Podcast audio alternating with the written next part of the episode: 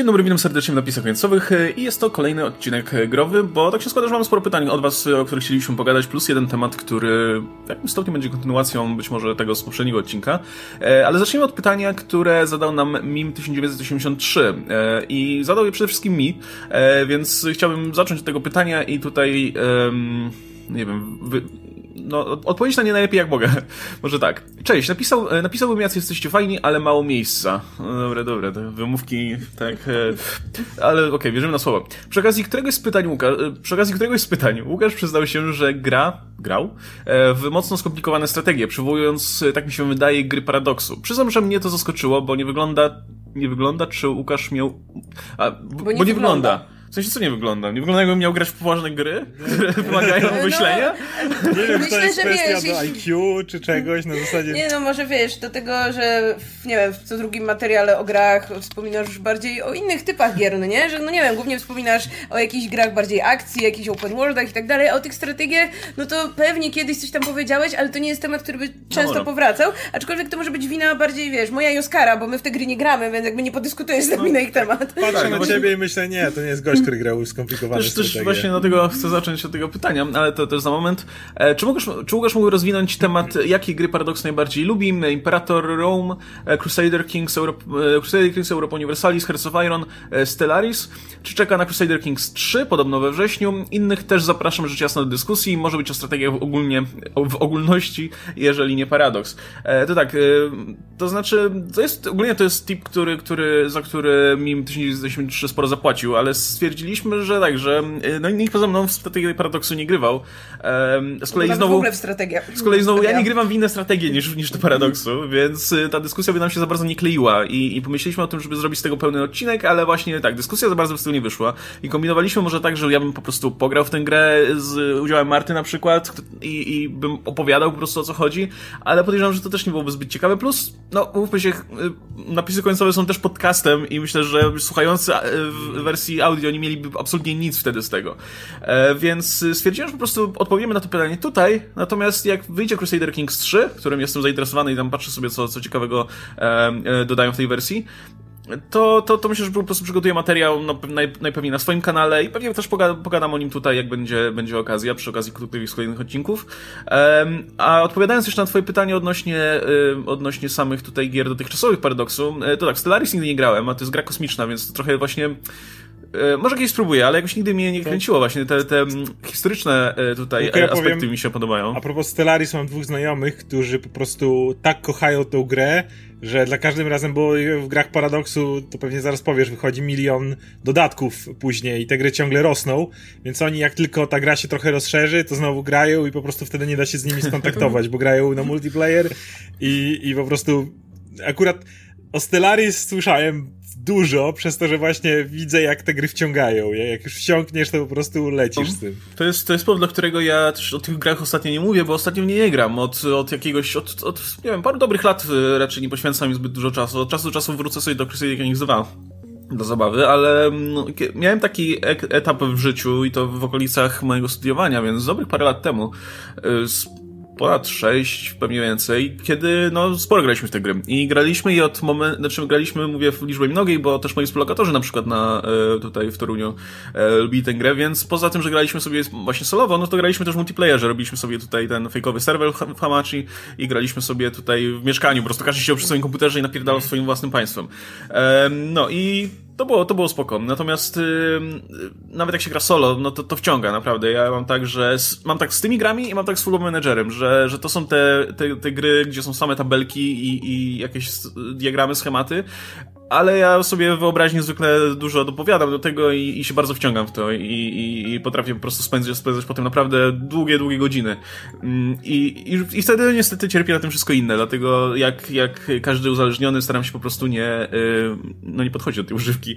W każdym razie, no ale Crusader Kings 3 jak wyjdzie, no to chętnie, chętnie sprawdzę. Właśnie Crusader Kings chyba jest moją ulubioną grą z tej, z tej, z tej serii, bo o ile Europa Universalis jest fajna, bo jest uniwersalne, tak? To znaczy ma, obejmuje taki dosyć spory kawałek, kawałek czasu od końca średniowiecza aż do, aż do powiedzmy, no tej, prawie że do, nie wiem, XVIII wieku jakoś tak chyba?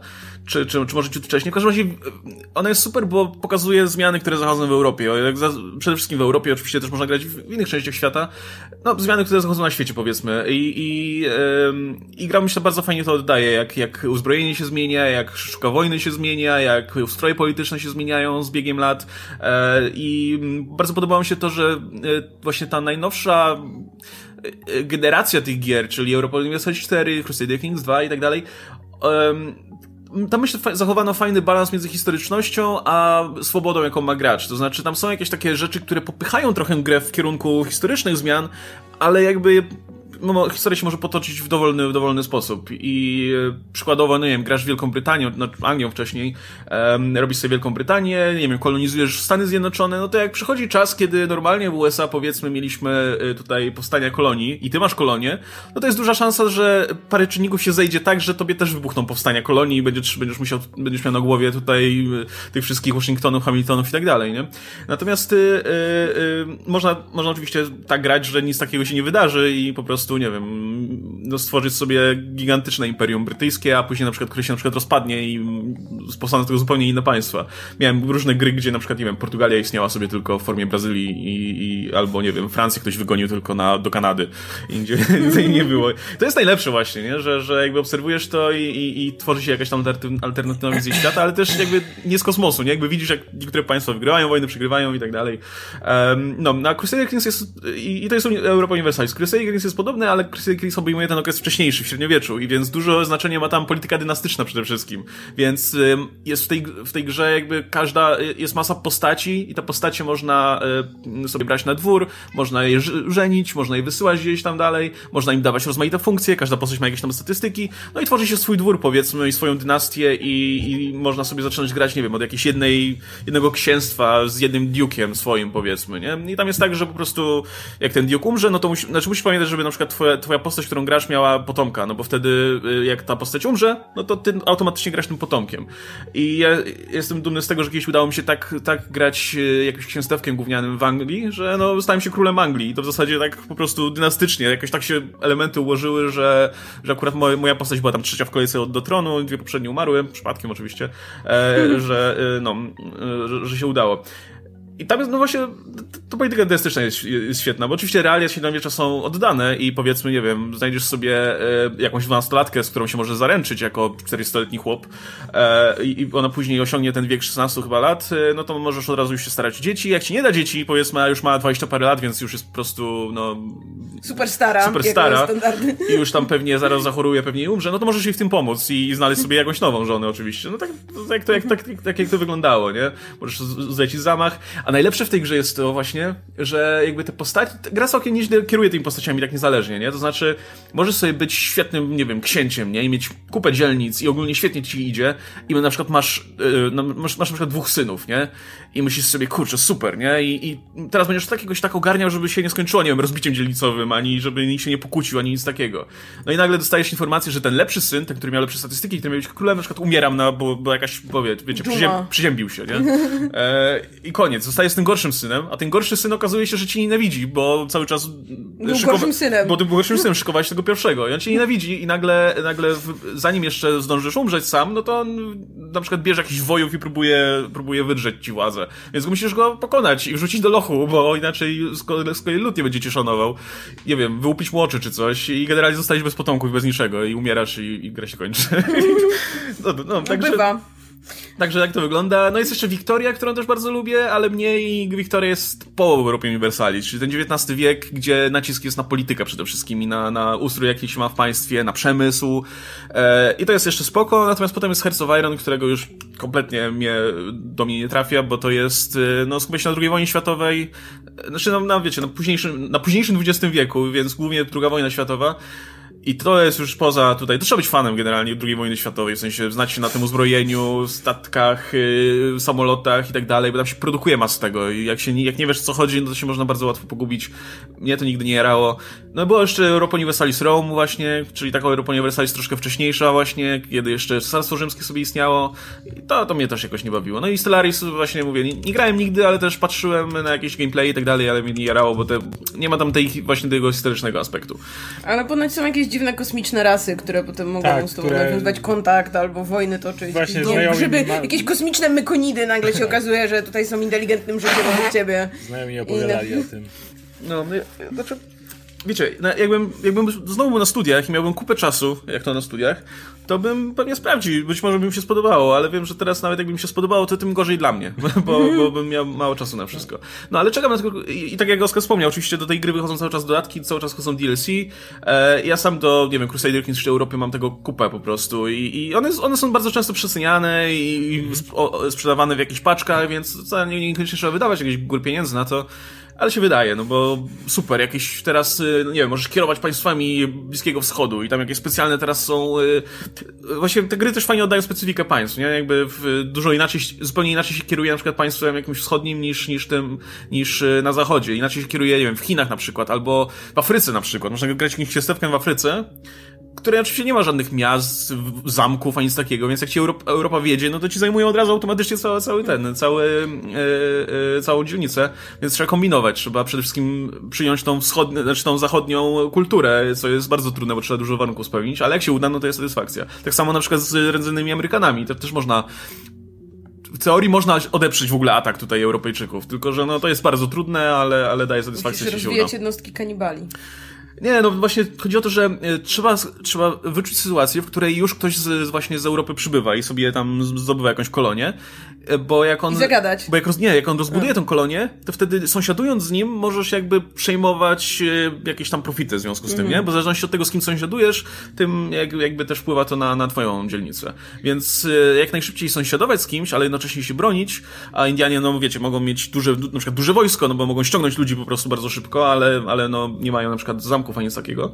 No i, i koniec końców, jak się uda przejąć tą zachodnią kultu- tą y, kulturę, to jednocześnie pojawiają się na przykład jednostki wtedy zachodnie do twojej dyspozycji, możliwość budowania właśnie y, obwarowań i tak dalej.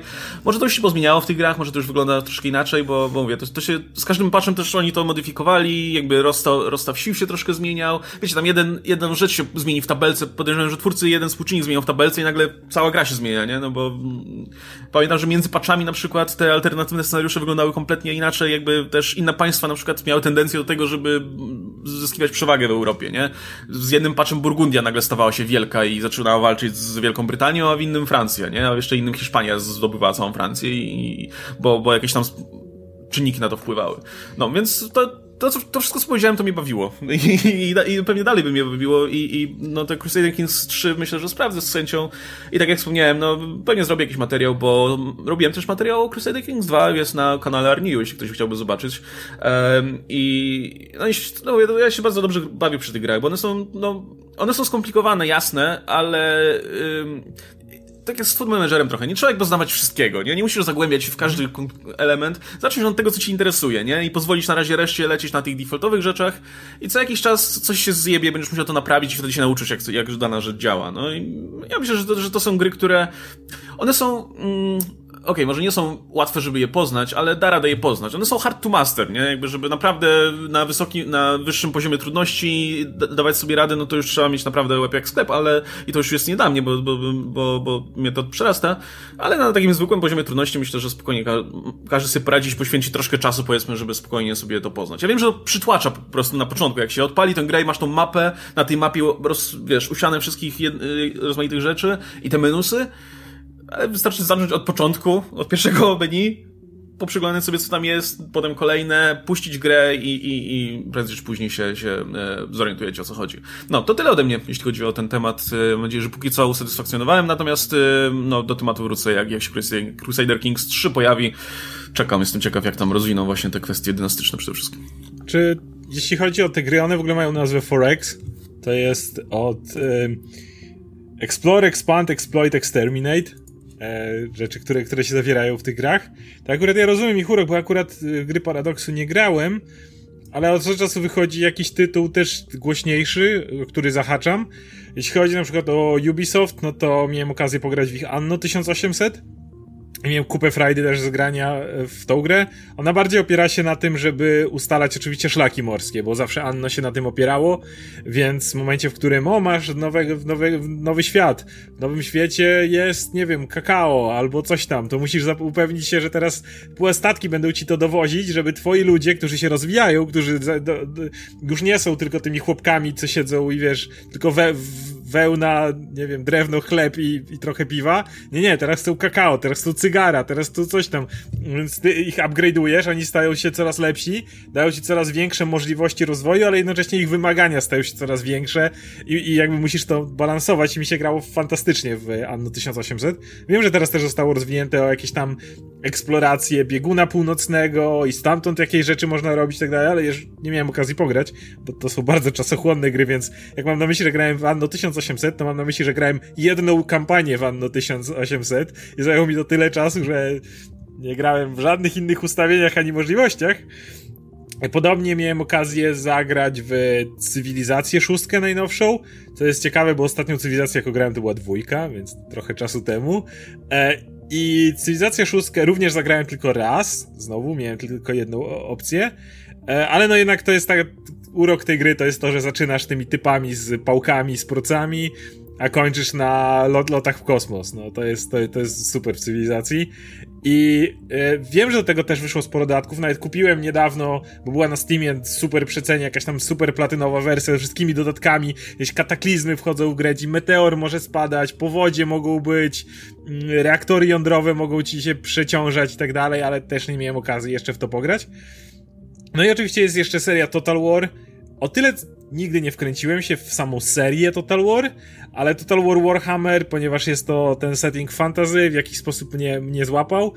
I e, później teraz pograłem sobie, najpierw było Warhammer, e, znaczy Total War Three Kingdoms, które opierało się oczywiście na Chinach, e, w których był trochę ten motyw, o którym ty mówisz, no bo to, Total War to są gry, w których e, możesz popatrzeć na pewne podobieństwa z Europą, ale o tyle co w Europie ten element czysto jakby to powiedzieć, rozwojowo, ten państwowy, ekonomiczny jest na pierwszym miejscu, tak w Total Warach on stoi, on istnieje, ale jakbyś miał tylko na tym porównywać, to to jest bieda wersja, ale tam jakby ten element bitew jest najważniejszy, bo jak masz to starcie, no to jest nagle, macie to, to, to wielkie trójwymiarowe środowisko, armie kilkuset na kilkuset się zderzają, ty dowodzisz w czasie rzeczywistym e, pojedynczymi tymi jakby oddziałem całym tych, tych jednostek. W momencie jak na to doszedł setting fantasy jeszcze, w którym idzie, nie wiem, smok i na niego masa małych szczuroludzi się zaczyna po nim wspinać i go oblega, jak takie po prostu mrowie na niego wpada i on może, może wygra, może nie, jednym rozrzuceniem, wiesz, rzuca nimi na boki, e, no to muszę powiedzieć, że jakby to razem mi sprawiło frajdę, natomiast kiedy wyszedł ten Three Kingdoms, tam starali się dodać ten element z filmów, e, jak się nazywa ten typ filmów, jak Angali, jak... E, Usia. Usia. Próbowali dodać ten element, więc jest opcja, że jak nie, możesz grać super realistycznie, albo wziąć romans i wtedy twoi bohaterowie to są ci, co wiesz, wbiega ten gość z włócznią w armię, robi machnięcie włócznią i ci kolej się tak ło, lecą do tyłu, wiesz. I to są tacy półbogowie wtedy na polu walki, więc y, też sprawiało to frajdę, ale jednak y, motyw, w którym y, bardziej lubię jak smog bije się z rycerza, z jeźdźcami gryfów, niż jak ludzie z włóczniami walczą z ludźmi z łukami. Generalnie bardziej mi to sprawia frajdę. E, ja grałem trochę w Medieval Total War i w sumie tam fajny element, który tam był, poza, poza bitwami oczywiście, bo one w grach Paradoxu są też dosyć umowne, e, ale, ale ten motyw, gdzie można było zabić papieża i to się kończyło taką animacją fajną, więc, e, więc bardzo doceniam to. I, i no, i można było podbić no, tam Watykan sobie. Total Warach to też się rozwija coraz bardziej, na przykład już w Free Kingdoms właśnie to, o czym mówię, czyli ten element dziedziczenia był bardzo istotny, kiedy masz swojego tego E, wodza tego, te, tego twojego królestwa, które rozwijasz. Celem jest to, żeby zostać imperatorem oczywiście i e, masz małżonkę. Cesarzem. Cesarzem. E, masz, masz e, małżonkę w niektórych y, w przypadku postaci ona od razu jest, jakby od razu zaczynasz na pewnym poziomie, etapie ich życia. Możesz wziąć młodszych, to wtedy nie masz, to musisz znaleźć sobie małżonkę. Możesz mieć ją albo w swoim dworze znaleźć, albo wystosować pismo do jednego z swoich sojuszników i w ten sposób jakoś zaaranżować ożenek. Potem mogą pojawiać się dzieci, te dzieci też się starzeją, one się starzeją, musisz im różne funkcje w państwie ustawiać, kto jest twoim dziedzicem, kto będzie twoim dowódcą i tak dalej, musisz innym ludziom też ze swojego dworu przydzielać różne funkcje, to im podnosi, obniża zadowolenie w zależności od tego, kogo na jakie miejsce wciśniesz, no i bohaterowie się starzeją, więc jeżeli twój dowódca zestarzeje się, nagle ma 78 lat, umiera ze starości, powiedzmy, z jakiego po prostu, no to w tym momencie dziedzic wchodzi, staje się dowódcą, on też może mieć swoje dzieci i ta gra może się przez to trwać i trwać, no i e, jak połączysz z tym stylem właśnie Wushia i masz ten motyw, że ten dziedzic i ten ojciec to są ci dwaj goście, co jakby razem biegną na pole bitwy, to wiesz, to robią tam niesamowite rzeczy, w ogóle nagle możesz wyzwać drugiego takiego na, na pojedynek, generała przeciwników. I jest bitwa między nimi, wiesz, tu się ludzie strzelają i tak dalej, a pomiędzy nimi na takie, wiesz, wydzielonym polu ci dwaj goście skaczą wokół siebie, jakieś wymachy wy, wyrobią, jakieś nie wiadomo jakie rzeczy, to trzeba przyznać, że, że, że sprawia to sporo frajdy. E, czekam cały czas na trzecią część Warhammera. Więc e, jakby rozumiem urok tego typu gier na pewno. No nie, to brzmi, to brzmi fajnie. Jeszcze z, odnośnie gier, o której wspomniałeś, no to mi się zdarzyło też grać cywilizację i to... Mnie też się zdarzyło grać cywilizację. piątą, e, nie, szóstą też Ja właśnie teraz no, tylko, nie tylko w szóstą grałem. Ale, ale, no to jest spoko, tylko kurczę, mnie, mnie to nudzi po tym pierwszym ograniu w zasadzie, wiesz. Prze, przejdę ten jeden cykl tam od, mm. właśnie od, od y, jaskiniowców po, po... Y, zwykle kończę to po prostu właśnie, że, że wylatuję w kosmos, tam jest tak, parę tak, tych warunków. Tak samo zrobiłem tą pierwszą, pierwszą No i tak stwierdzam, okej, okay, jakby to tyle w sumie, jakby nie, nie, nie widzę już za bardzo, wiesz, więcej co ta gra ma tutaj do zaoferowania, ale, ale spoko, rozumiem jakby...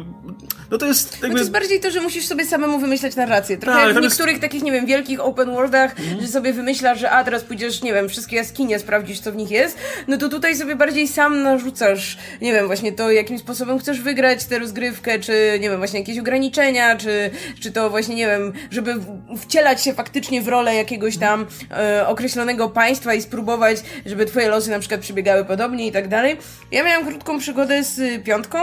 Mm, no, to znaczy, nie wiem, grałam jakoś przez miesiąc, tak super intensywnie i przechodziłam tam właśnie parę razy z rzędu tam. Potem e, doszłam już do etapu, że sobie wzięłam największą mapę i o kształtach mapy Ziemię. całego świata Ziemi, i tam tak. po prostu podbijałam Australię czy coś, kiedy tam, nie wiem, wszyscy inni byli na etapie, że no, tu jeszcze łukami coś tam, to ja, ja już tam płynę, bo wiem, gdzie jest Australia, żeby tam, wiesz, pierwsza, pierwsza będę.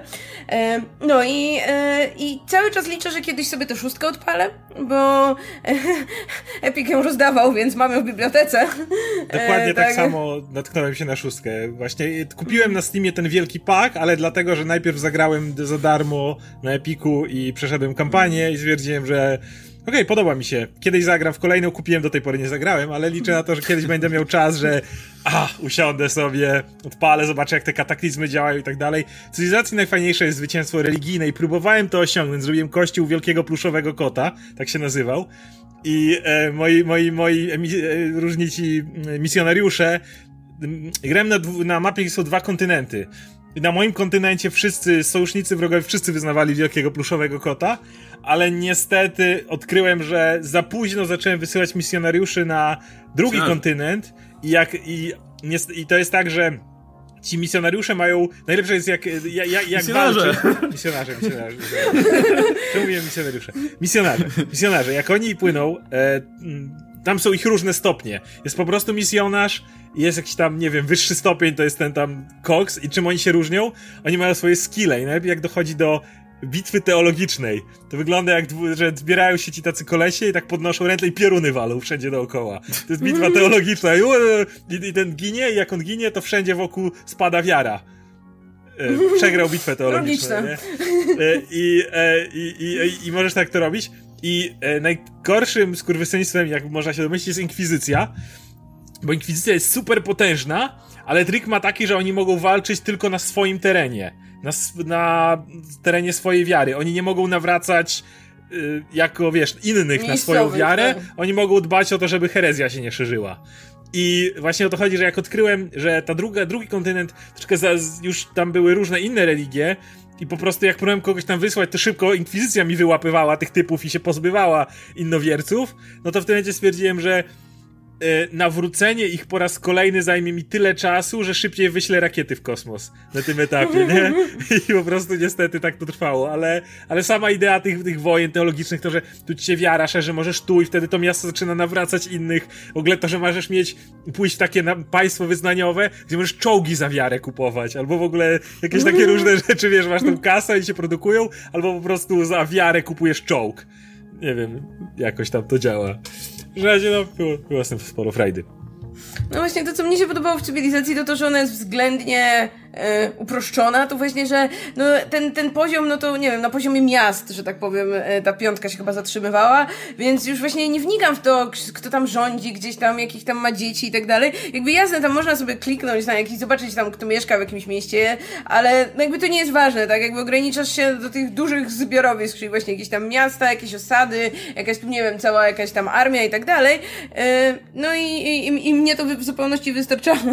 Tak więc ten, ten poziom, kiedy już faktycznie faktycznie no to się zamienia w te tabele i analizowanie rzeczy, no to ja sobie wolę e, Excela odpalić i sobie wolę tabelkę zrobić. Ja, ja, ja rozumiem ten sentyment, dlatego cywilizacja jest dużo popularniejsza, nie? Ale no, no, no nabierze takie rozmaite historyczne czy, czy, czy właśnie jakieś elementy z, z, ze świata i je łączy w taką pulpę jedną wielką, nie? Z masą umownych elementów i, i to jest okej, okay, tylko właśnie brakuje, brakuje mi jednak tej takiej, tej, takiej odzorowywania e, właśnie rzeczywistości, nie? Jak, wiesz, jak w, w strategiach paradoksu zmienisz, nie wiem, ustrój na przykład, no to to ma, zawsze ma swoje jakieś konsekwencje ważne, nie? Typu jak masz monarchię i stwierdzasz, spełniasz warunki, żeby zmienić to na, na przykład monarchię, monarchię lekcyjną, e, no to, a później w ogóle, w, nie wiem, w republikę, e, no to w, na przykład, e, nie wiem, edukacja ci skacze w państwie, nie? I bohater, i albo jakiś tam e, obywatele dostają swobody i dzięki temu jakby są mniej skłonni do buntów, ale znowu na przykład twoja kontrola nad państwem spada, nie? Jakby nie, nie masz wpływu na tyle elementów. Także to, to, jest super.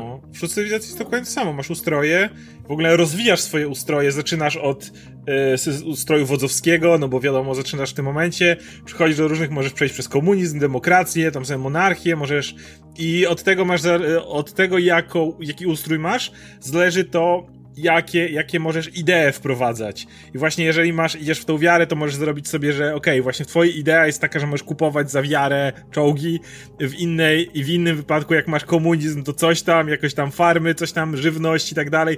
I możesz się tym bawić i to też ma wpływ jedynie nie ma wielkiego wpływu, tak jak co powiedziałeś, ta zmiana. W sensie różnica między jednym ustrojem jest druga, ale samo przejście z jednego ustroju w drugi, to jest jakiś tam cooldown, coś tam, wiesz, to nie ma jakiś tam że nagle ludzie ci się buntują, bo zmieniasz ustrój. Ale, ale, ale jak jesteś w tym, a w tym, to czujesz i różnicę, czym te ustroje są, więc w szóstce też to działa. Natomiast e, wydaje mi się, że jedna rzecz, która Wiem, że to jest konc taki koncept i ludzie to lubią i to się nigdy nie zmieni, ale co mnie osobiście w cywilizacji trochę nudzi na pewnym etapie, to jest turowość. E, w Europie nie masz tu tego, no to jest w czasie rzeczywistym jakby rozwijasz. W Total War też, ale różnica jest taka, że w Total Warze bitwy są w czasie rzeczywistym, więc tam jakby to też jest, jest ten e, e, etap, gdzie jest to przemieszane. Natomiast w cywilizacji mój problem polega na tym, że czasami jest, będzie dochodzić do miejsca, gdzie jest cała masa tak zwanych martwych tur, bo ten projekt jeszcze 16 tur, tu 5, tu 6, tu 2 i moja gra przez parę minut to polega na tym, następna tura drrr, załadowało wszystkich pozostałych przeciwników, następna tura drrr, wszyscy przeciwnicy.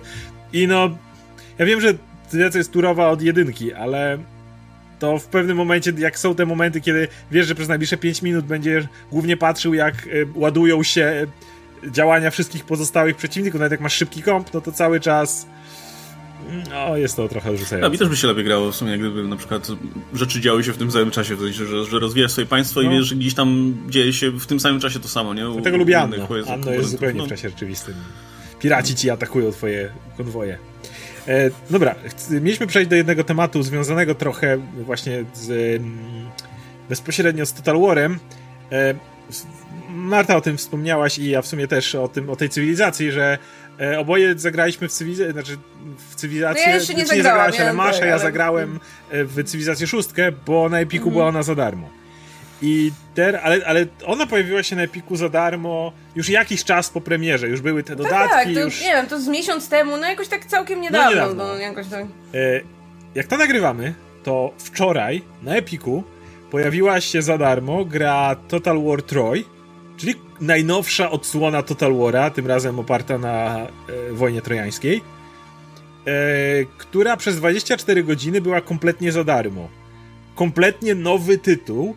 On ma w tej chwili 75% na Metacriticu, jest oceniany jako ok, kolejny spoko Total War. Nie ma jakichś tam żadnych innowacji czy coś takiego, ale jest ok. To nie jest jakaś malutka gierka demo, która ma promować coś tam. To jest pełnoprawny kolejny Total War z nowymi usprawnieniami. Te gry nie mają jakichś wielkich usprawnień z gry na grę, nie? Tam jakąś jedną funkcję rozbudują i to jest normalne. I to jest bardzo ciekawy moment, do którego dobiliśmy, w którym mamy tak duże starcia pomiędzy nie tylko kon konsolami i jakby samym sposobem, czy, czy, czy PlayStation, czy Xbox, czy, czy PC, ale już nawet w ramach tutaj tego i tego jednego właśnie środowiska, jakim jest na przykład tutaj PC, między Steamem a Epiciem do tego stopnia, że już ekskluzywy są gra jest podwójnie ekskluzywna. Już nie jest tylko ekskluzywna na PC, jest ekskluzywna na PC, na Epika na przykład. I w ten Jak sposób. ten Total War przez rok będzie tylko na Epiku. Tak. Już później do, za pieniądze. I do tego stopnia, że y, Epic, no im pieniędzy nie brakuje, Fortnite dalej robi swoje, y, dają to za darmo. I ja chciałem was zapytać, jakby nie gracie na PC, ale tak jak sam mówiłaś, wzięłaś sobie cywilizację, bo była za darmo. Jak widzicie y, sens takiego takiego działania i jaki to może mieć wpływ na, nie wiem, konkurencję pod tym względem, żeby kompletnie nowy tytuł i to duży, nie jakaś gierka indie, była przez 24 godziny za darmo w dniu premiery. Wiesz co, no ja mam tę mentalność chomika, więc odkąd tylko Epic daje jakieś rzeczy za darmo, to ja regularnie wchodzę i odbieram sobie te rzeczy za darmo. W żadną z nich jeszcze nie zagrałam. Yy, nigdy jeszcze nie zainstalowałam klienta Epic Store, bo po prostu, no raz, że już nie gram na PC, dwa, że chyba teraz można w ogóle podpiąć też bibliotekę Epica do, mm, do Shielda, tak? Do, do tego GeForce, GeForce Now, tak? Więc mm, podejrzewam, że może tam kiedyś coś faktycznie wypróbuję, ale no to jest takie, dla mnie to jest na zasadzie, że no okej, okay, no wisi, to, to sobie kliknę, a nuż za 10 lat stwierdzę, o, sprawdzę sobie tę grę i o proszę, zamiast zapłacić za nią wtedy, nie wiem, 3 dolary, bo po tyle będzie, no to o, będę mieć za darmo. Ale jakby, no w moim przypadku to nie jest tak, że jakoś mnie to mobilizuje, żeby szybciej te gry sprawdzić, albo że z tego powodu, nie wiem, kupiłam coś jeszcze w Epiku za pieniądze, no, no bo nie, ale, mm, no ale jakby cięż, ciężko jest mi się tutaj trochę wybić poza te moje jednostkowe doświadczenia. Dowód anegdotyczny, no znam więcej osób takich jak ja, które po prostu, no jak jest za darmo to biorą, ale niekoniecznie później cokolwiek z tymi, z tymi grami robią, poza dodaniem ich do swojej biblioteki.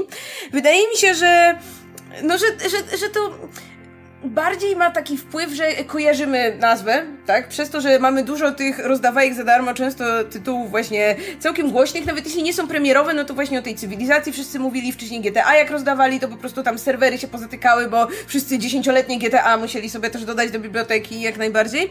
Więc wydaje mi się, że to, ta ich strategia sprawiła, że ten Epic się w naszej świadomości dosyć szybko zapisał. Obok tego Steama, no bo Steam już był wiele, wiele lat jakąś takim, nie wiem, synonimem tego, tego sklepu z grami w momencie jak przed Epic, więc pod tym względem spoko.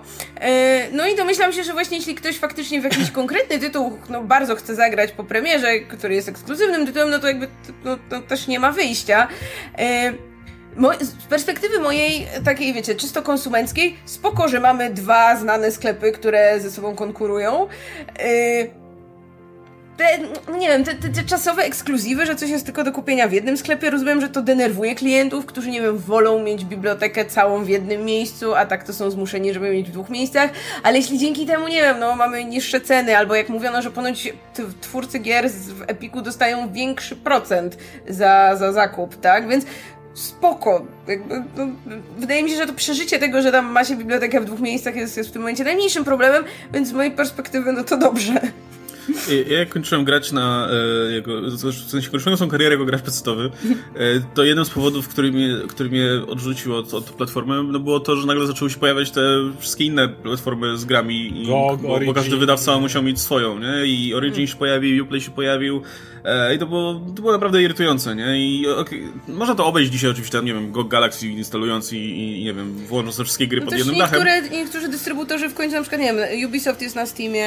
EA chyba już nawet jest na Steamie, Steamie, nie? Więc to generalnie jest- już się pozmieniało trochę. No, natomiast y, mam wrażenie, że wiesz, sytuacja, w której jest druga platforma, która ma ambicje być tą dominującą, a nie tylko, no my tu mamy swoje gry i do widzenia, reszta nas nie interesuje, no to jest trochę inna sytuacja, nie? Jakby to też wydaje mi się, że y, sytuacja, w której mamy dwie duże platformy, które, które no, mm, są w stanie właśnie zaoferować jakieś profity, są w stanie e, konkurować ze sobą na tym poziomie, e, to wiesz, koniec końców no, konkurencja jest zawsze, zawsze dobra, nie? Natomiast no, to, to się będzie zawsze wiązało z jakimiś ekskluzywnymi treściami, bo to jest taka podstawowa broń, jaką, jaką mają e, różni dystrybutorzy treści. Em, I no, jeśli, wiesz, no jeśli, jeśli ta konkurencja poza, poza ekskluzywnością będzie się wiązała właśnie z tym, że po prostu ludzie będą dostawać różne rzeczy za darmo i będą na tym korzystać, no to, to spoko. Natomiast y, ja, ja z Epic Store nie korzystam, nie, nie biorę nawet tych darmowych rzeczy, bo wiem, że nie nie zagram. E, ja już, ja jestem na tym etapie, że już na przykład, nie wiem, jak jest jakiś Humble Bundle z jakimiś fajnymi tytułami, e, no to jeszcze czasami wydam kasę, bo, bo, bo to idzie na cele charytatywne, ale już na przykład jak gdzieś dają mi, nie wiem, jakieś właśnie, jak widzę po prostu gdzieś jakąś promocję czy coś, no to już tego nie kupuję, no bo ja wiem, że to nie będę grał, kurczę. E, a teraz mógłbym, nie? No bo, bo, bo, bo e, Masz komputer nawet. Mam komputer, ale też GeForce Now działa naprawdę Tak. super, nie? Więc o, nawet, nawet sobie pod tym kątem patrzyłem. Tylko, że no właśnie y, to, to o ile Steam jeszcze działa dobrze, no to kurczę, ta aplikacja Epic Store jest chujowa ogólnie i, i średnio działa i jest mało, mało intuicyjna, więc mam nadzieję, że to naprawią. E, ale no... Znaczy, wiecie, w idealnym świecie mam wrażenie, że, że to jest dobra opcja, że pojawia się platforma, która będzie konkurowała ze Steamem po prostu i, i, i, i narzuci jakby jakiś tam, powiedzmy, no... Wiecie, narzuci potrzebę, żeby, żeby to Steam musiał e, em, w jakimś stopniu odpowiedzieć na, na, na tę konkurencję. E, ale no, rozumiem jednocześnie, że, że to też będzie musiało się wiązać z tym, że na przykład jakaś gra będzie tylko na jednej platformie czasowo, nie? Tak, Albo w ogóle. Ta ekskluzywność jest najmniej wykluczająca, no bo to nie jest tak, że na jakimś PC w ogóle się, nie wiem, nie odpala jeden z tych sklepów, albo że, y, że ktoś musi specjalnie cokolwiek robić poza zainstalowaniem tej dodatkowej aplikacji, więc wydaje mi się, że tak jak wiecie, mówimy o tych wszelkich innych ekskluzywnościach, typu, że tylko gra jest na konsolę, albo czy nawet jakiś dodatkowy content jest tylko na PS4, tak? A, a tutaj po prostu, no, no instalujesz sobie drugi sklep i, i masz, i to tyle.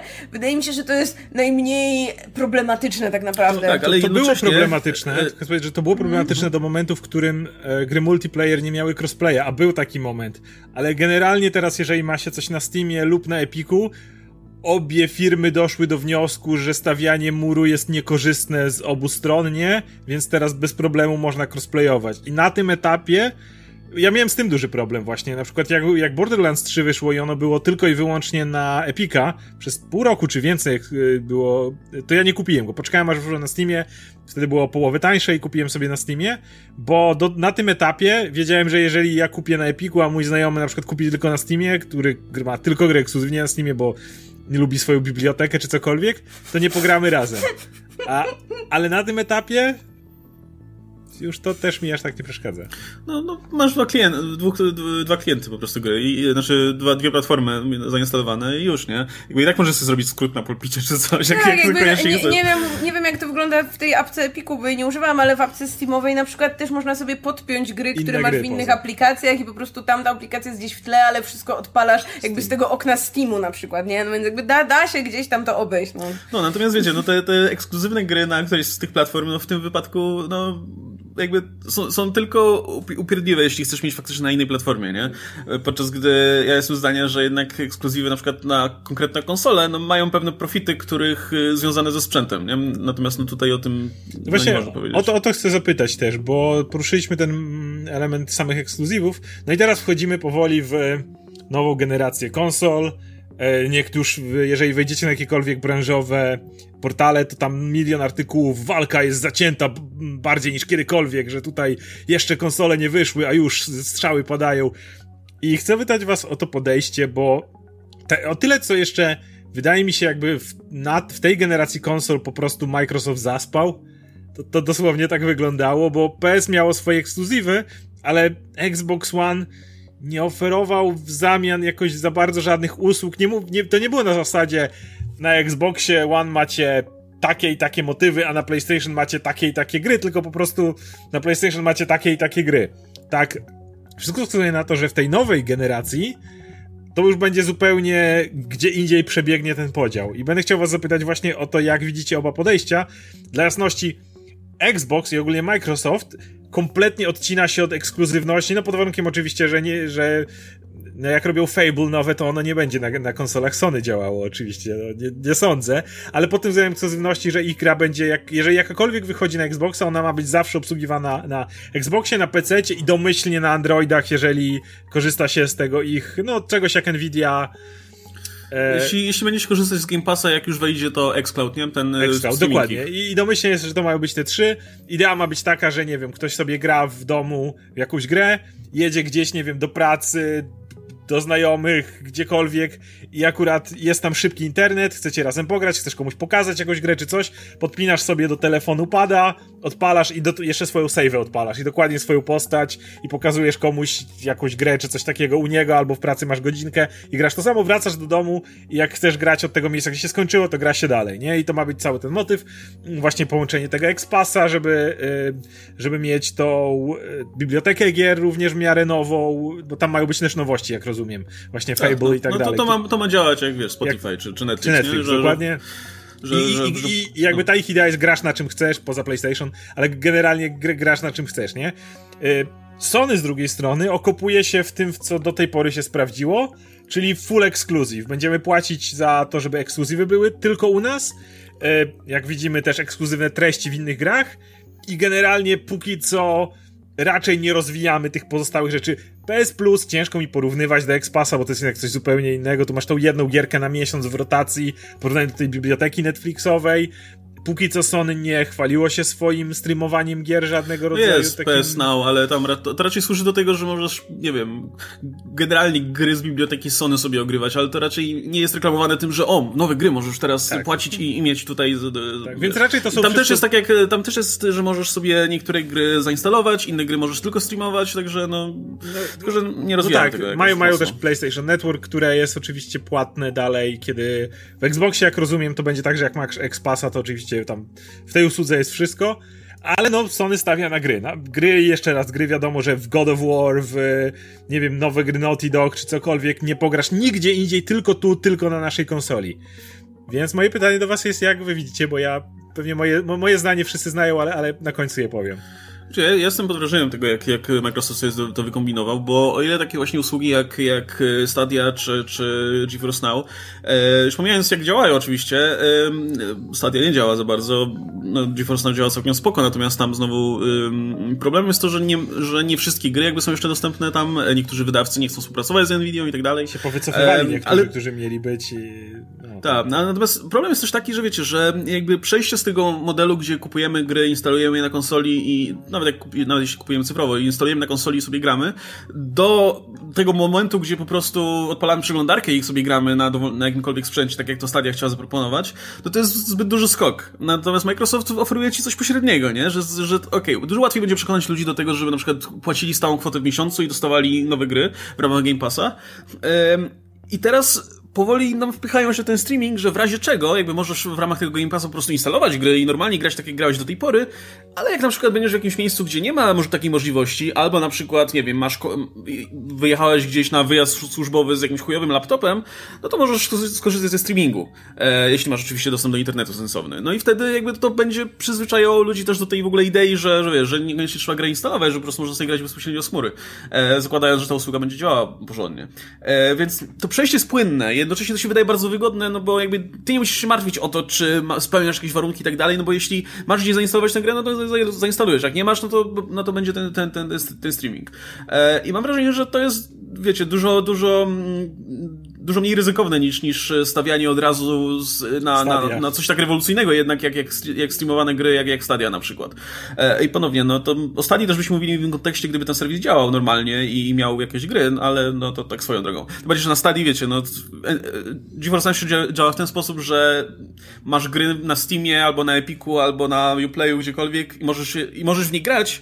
W Stadii trzeba kupować gry w ramach tego sklepu Google. No to jest, naj, to jest, to, jest... Naj, to jest największy taka, tak, taka bariera moim zdaniem no bo Tak. jeśli jesteś graczem musisz już na tym etapie rozwoju, że stwierdzasz, dobra, to teraz będę streamować gry, yy, bo, bo ewidentnie no, dla kogoś, kto raczej gra dużo, kto raczej nie chciałby co chwila na przykład upgrade'ować sprzętu, no to taka osoba ma już jakąś ogromną bibliotekę tytułów i, i, i wydaje mi się, że, że w tym momencie brak możliwości przypięcia po prostu rzeczy, które już masz, no to jest ogromny strzał w stopę, no, bo kto będzie kupował te gry po raz drugi, jeśli na przykład no, te gry już tej osoby działają i tak dalej, no, no ja nie ukrywam, że y, właśnie ta opcja, że podepnę sobie tego GeForce Now i jak nagle przyjdzie mi do głowy, że zagram, zagrałabym sobie w tę grę, tylko już no nie chce mi się siedzieć przy pececie, to sobie tutaj będę odpalę, spoko, ale jakbym miała tę grę jeszcze raz kupić i jeszcze no, się z tym bujać, to no, nie ma szans, nie ma szans absolutnie. Abonament dlatego wydaje mi się całkiem spoko pod względem Expasa, że masz, płacisz ten abon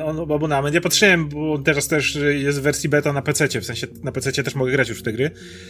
Strasznie tani jest, ale to jest jakaś promocja i w ogóle on jakieś śmieszne pieniądze kosztuje na tym etapie. Nie wiem, 5 zł teraz bym zapłacił No, za miesiąc. na, na, na Xboxie też tak było. Jak mieliśmy Xboxa przez moment do testów, ja pamiętam, że chyba 4 zł zapłaciłam za 3 miesiące. No to tak, e, na, dostępu, teraz na, nie? na PC też, E. też mniej więcej za tyle mogę kupić. Więc to, to, to jest jakieś śmieszne, ale nawet jeżeli to by była ta dycha, czy, czy ileś za full bazę, w tym na, nowości, no to w tym momencie jakby okej, nie, nie mam tej gry, ale mogę zapłacić tą dyszkę, żeby mieć do niej dostęp i jednocześnie płacić tam, żeby, żeby mieć ten wasz e, streaming, nie? Który, jest gdzieś tam zapewniony, więc to jest spoko. No i mam wrażenie, że właśnie to jest, to jest naprawdę całkiem mądre i przy- przyszłościowe podejście w tym, żeby zamienić Xboxa, jakby markę Xbox w ogólnie markę grową pod, pod banderą Microsoftu, nie? Że jakby, że, że to jest coś, z czym ci się kojarzy granie, a już urządzenie jest bez, bez znaczenia, no bo na, na, na każdym możesz zagrać w te gry praktycznie, nie? Tylko mm, musisz je mieć, a możesz je mieć w formie właśnie taniego abonamentu. Bo pe, pewnie potem mniej taniego, ale, ale pewnie wciąż się to będzie w miarę opłacało. E, i, I to jest, wydaje mi się, że to koniec końców może im zapewnić, kurczę, y, y, sukces. Natomiast może, może nie od razu, ale, ale koniec końców wydaje mi się, że to, że że to, jest, że to jest dobre rozwiązanie. No, jeśli chodzi o Sony i o ich podejście z tymi ekskluzywami, no to to się sprawdzało oczywiście do, działało, do, no, do tej pory. To działało, jakby dawało im przewagę, więc też nie dziwię się, że oni jakby, no, nie, nie zmienia się tego, co, co działa, nie? Jakby można to popsuć potem. E, tym bardziej, że oni mają, no, mówię, oni mają tą swoją usługę PS Now. Jeśli podejrzewam, że jeśli okaże się, że Microsoft zdobyła przewagę tym, no to zaczną inwestować w to sporo. Zresztą no, oni, oni z, ich, ich PlayStation Now się opiera na tym, że oni wykupili dwa serwisy, które wcześniej się tym zajmowały i po prostu zrobili z tego taki, taki no, wiesz, jak Marvel Unlimited, nie? W sensie, jak chcesz pograć, nie wiem, w trzy części Uncharted, a nie chcesz ci ich kupować, no to sobie kupisz za mm, parę, parę złotych ten PlayStation Now, sobie ograsz w formie streamowanej albo ściągniesz na konsolę i, i z głowy, nie? I, i, a teraz kupisz już sensowną wersję gry, e, te, tą nową. I, i- no i spoko, tylko pytanie właśnie na ile, e, na, na, jakby na ile te, ten, no, to im wystarczy, nie? E, Bo, bo ja jestem, znaczy tak, ja jest, jeśli chodzi o konsolę, no to mówię, ja, ja uważam, że gry ekskluzywne mają tę przewagę, no, że są robione pod konkretny sprzęt i e, w wielu przypadkach jakby widać było, że to, ym, że, że to daje, daje dosyć sporo, nie? Przy Masz, tych z PlayStation, prawda? One wyciskały po prostu, zwłaszcza te ostatnie, one wyciskały co mogły z tej konsoli. Te gry, które mamy, ostatnie ich tytuły, wyglądają tak ślicznie i jakby, nie wiem, ja wiem, że są ludzie, którym zawsze zdarzają się jakieś błędy, no ale no, na przykład u, u, u mnie nie, więc, a wiesz, jak, jak potem czy słyszamy na przykład o, nie wiem, portach pecetowych tych samych gier, to to jest zawsze jakiś dramat, no, tak? wiadomo, że też trzeba poświęcić czas na to, żeby, żeby, Horizon żeby teraz podobno jest E, No ale wcześniej też Red Dead Redemption, nie? które ponoć do tej pory jest niezbyt grywalne na To PC-tach. nieprawda. Red Dead, ja, I ja, jeszcze ta wersja online ponoć też jest jakaś... e, Ja zagrałem w Red Dead Redemption, kiedy wyszło na Steamie, bo ono na początku wyszło Mhm. gdzieś tam indziej, a potem wyszło na Steamie. I na Steamie, jak tylko wyszło, było od razu spaczowane. Mam w tej grze, nie wiem, z 20 godzin nawalone, nie miałem najmniejszego problemu z graniem, więc Okej, to jest może jeden z tych Mam wrażenie, błędów. że ludzie bardzo narzekali. Może przez ten pierwszy miesiąc, kiedy nie było na Steamie i może tam były błędy, ale zdążyli to załatać w miarę sensownie. No, no, natomiast po- poza w ogóle jeszcze, jeszcze tymi grami z PlayStation, no to je- jest, tak, jest, jest taki producent konsoli gier, który się nazywa Nintendo. Całą, całą karierę w zasadzie jadą na tym, że mają gry robione pod swoją konsolę. Pod kon...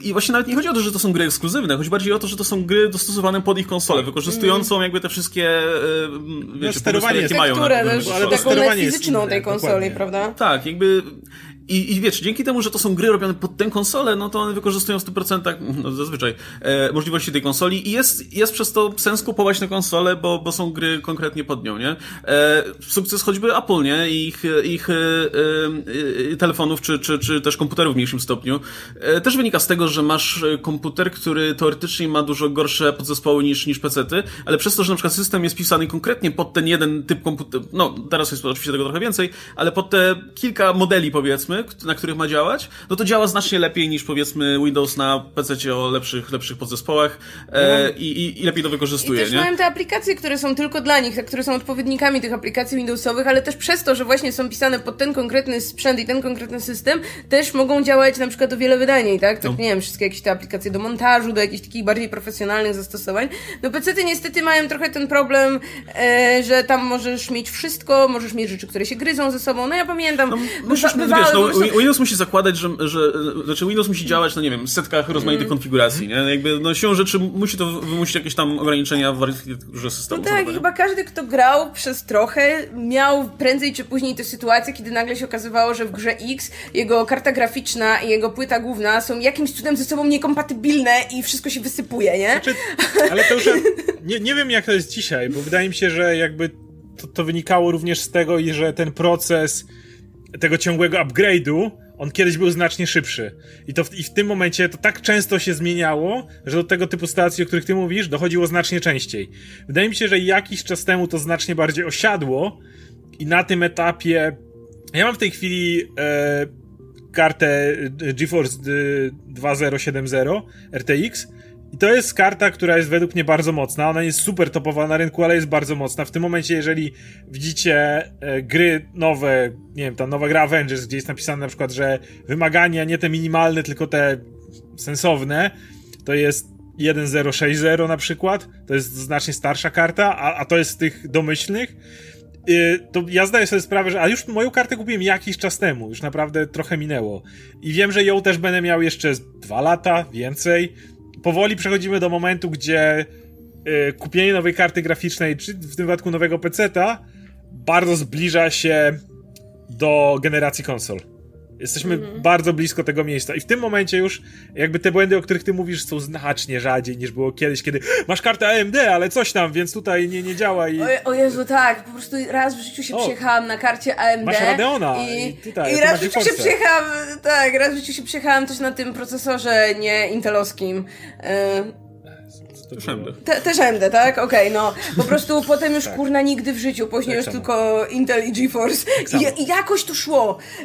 Natomiast... Ale też po prostu, no by, bywały po prostu jakieś takie, zwłaszcza na przykład, nie wiem, nagle, wcale nie przy nowszych grach, ale na przykład przy starszych grach, okazywało się, był ten moment, nie wiem, jak, czy, czy, czy to chyba głównie przez nowe Windowsy, że po prostu nagle się okazywało, że no nie odpalić tej starej gry i chuj, no, no nie działa, no. No ale z drugiej strony, właśnie, to skoro o tym mowa, e, również tym się reklamuje Xbox w stosunku do PlayStation. PlayStation, kiedy ludzie czekali nowe na kompatybilność, ogłosili, mamy kompatybilność wsteczną do PlayStation 4. I cisza. Crickets.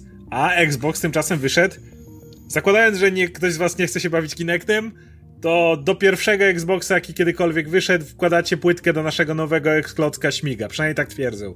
Ile jak to będzie działało, zobaczymy, ale, ale się tym reklamują. Więc to też jest takie trochę luźniejsze podejście. Ja nie ukrywam, no, tyle po osób chce zagrać w te gry z pierwszego Xboxa. Nie wiem. Ale pod tym względem kompletnie Team Microsoft i jednocześnie ja nie kupię nowego Xboxa, bo mam PC-ta i wszystko, co obsługuje Xbox, ma obsługiwać też mój PC. Ale właśnie to mnie cieszy, bo ja jakby bardzo chciałbym, żeby każdy mógł grać na tym, na, na co, w co chce grać. I mam taki trochę kontrargument do tych ekskluzywów na PlayStation. Mianowicie, zgadzam się absolutnie, że jak robisz coś pod jedno środowisko, to oczywiście zrobisz to lepiej. Ale po pierwsze, bardzo zmieniło się programowanie w stosunku do tego, co było przy PlayStation 3 na przykład, kiedy to było naprawdę zupełnie inna rozmowa, kiedy robiło się grę na PS3, a na PC, to nawet nie było blisko. W tej chwili jest to dużo bliżej siebie i zrobienie gry na to i na to jest znacznie prostsze, ale nawet biorąc to pod uwagę, Time Exclusive po raz kolejny jest ok. Jeżeli chciało się studio uprzeć na tutaj, żeby zrobić to w te środowisko, wyżyłować z niego max, to ok. Problem jest taki, że ponieważ PlayStation im zapłaciło, no to nie mogą już tego zrobić nigdy na inną platformę, nawet gdyby chcieli. A z tym mam taki problem, że to e, trochę może nie zabija, ale spowalnia ten cały proces e, konkurencji user-friendly. Mianowicie Xbox teraz, który nie ma e, ekskluzywów, musi naprawdę starać się, żeby pokazać, czym innym możemy zwabić was do naszej konsoli. Chcemy dać wam lepsze opcje, wiecie, grania w internecie, lepsze opcje streamowania, lepsze opcje kompatybilności wstecznej, Yy, chyba teraz już porównywali jakąś grę, która w ogóle lepiej działa na Xboxie, czy była tam Mafia, czy cokolwiek innego, remake, gdzie wiesz, nie wiem, wsadzimy lepszy dysk, żeby był jeszcze szybszy, żeby czasy wczytywania się były lepsze i tak dalej.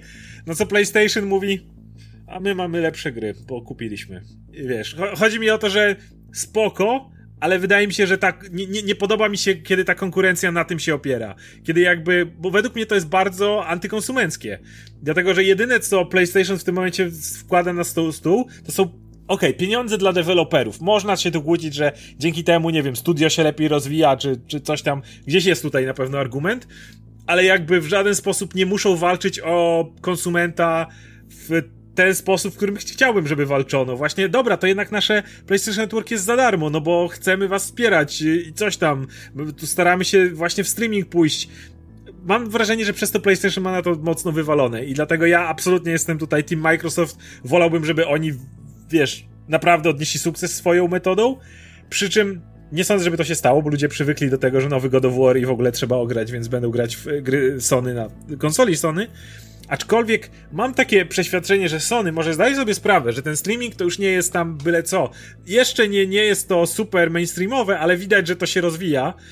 I może zdają sobie sprawę, że powoli ta epoka ekskluzywności musi dobiec końca, bo jak ten streaming wejdzie, no to siłą rzeczy, jeżeli ja będę mógł coś odpalić na y, przeglądarce w, na komórce, to będę mógł to odpalić na PC-cie. Jakby nie ma tak jasne, może nie będzie zrobione pod klawiaturę i myszkę, ale jak podepnę pada, to w tym momencie będę mógł w to grać i nie, nie poradzisz. No, nawet jeżeli będą robić różne bloki, no to ludzie w tym momencie napiszą ci aplikację, która to zemuluje i będziesz mógł normalnie się, się do tego Wiesz, dostać. W teorii już możesz grać w gry z PlayStation na PC właśnie za pomocą PlayStation Now. Możesz, możesz wykupić sobie abonament i grać sobie na, na, no tak. na PC w te gry. Tak. Więc jakby to już powoli się to zmienia, tak? Tylko, że, jakby tylko, że... już wychodzą z tego getta swojego, że tylko, tylko na PlayStation. Nie? Natomiast no, nie, na, nie, nie na tak dużą skalę. Nie na dużą jeszcze. skalę. Chodzi mi o to, że w momencie, w którym e, ten streaming stanie się czymś naprawdę takim e, prawdziwą alternatywą grania, taką mocną, no to w tym momencie oni kompletnie odpadną z tymi ekskluzywami, jakby nie patrzeć, no bo nie, nie będzie miało to sensu. I w momencie, w którym e, Microsoft będzie mówił, słuchajcie, w nasze gry możecie grać wszędzie i wszyscy będą, je, super, a Sony będzie takie, wiesz, nie, u nas tylko na naszej konsoli, nigdzie więcej. Myślę, że to będzie ten moment, w którym gracze stwierdzą, fajny ten God of War, ale come on. To już będzie ten moment, oni... w którym e, już starczy. I kiedy, kiedy jednak się przemogą i pójdą w tą stronę, żeby, żeby to streamować, to siłą, że to musi, musi, będzie otwarte i nawet nie wyobrażam sobie, że można byłoby to cross-platformowo zablokować. No bo jeżeli możesz to odpalić na właśnie Nvidia Shield czy na czymkolwiek, to równie dobrze w jakiś sposób mając Xboxa w domu czy mając PlayStation w domu i tak będę mógł odpalić wszystko. I dlatego mam wrażenie, że PlayStation na tej generacji będzie po prostu tak żdyłowało ekskluzywy jak nigdy w życiu, bo wiedzą, że to jest ostatni dzwonek, żeby po prostu ugrać na tym, wiesz, zwycięstwo, że tak powiem, konsolowe, bo już w kolejnej generacji, czy nawet może jeszcze w tej, ale w drugiej połowie, jak już przejdziemy do tych pro wersji, czy innych rzeczy, okaże się, że już nie bardzo możemy, bo już musimy zmienić. Więc moje podejrzenie jest takie, że dlatego teraz po prostu będziemy słyszeć non-stop o ekskluzywnych tytułach albo treściach, bo Sony będzie po prostu waliło kasę na lewo i prawo, żeby chociaż ten start był najmocniejszy, żeby teraz, jeszcze dzisiaj, wszyscy chcieli PlayStation, a nie Xboxa, a nie PC-ta. Znaczy, wiesz wydaje mi się, że to niekoniecznie musi oznaczać koniec e, ekskluzywnych gier. Wydaje mi się, że to może oznaczać, że to może być ostatnia generacja, gdzie konsola ma znaczenie, w sensie sprzęt sam.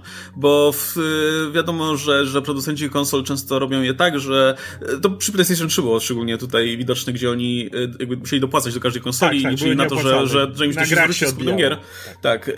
I pewnie w mniejszym czy większym stopniu dalej, da, dalej to, to trochę w ten sposób działa. W sensie, że liczą mocno na sprzedaż tych konsol przede wszystkim, bo inwestują sporo w te w ten sprzęt, w te technologie użyte w tym sprzęcie i tak dalej, więc ten sprzęt się musi sprzedawać, nie? Jakby u, Sony wciąż jest ten nacisk na to, że kupujcie naszą konsolę. W przypadku Microsoftu już tego nie ma.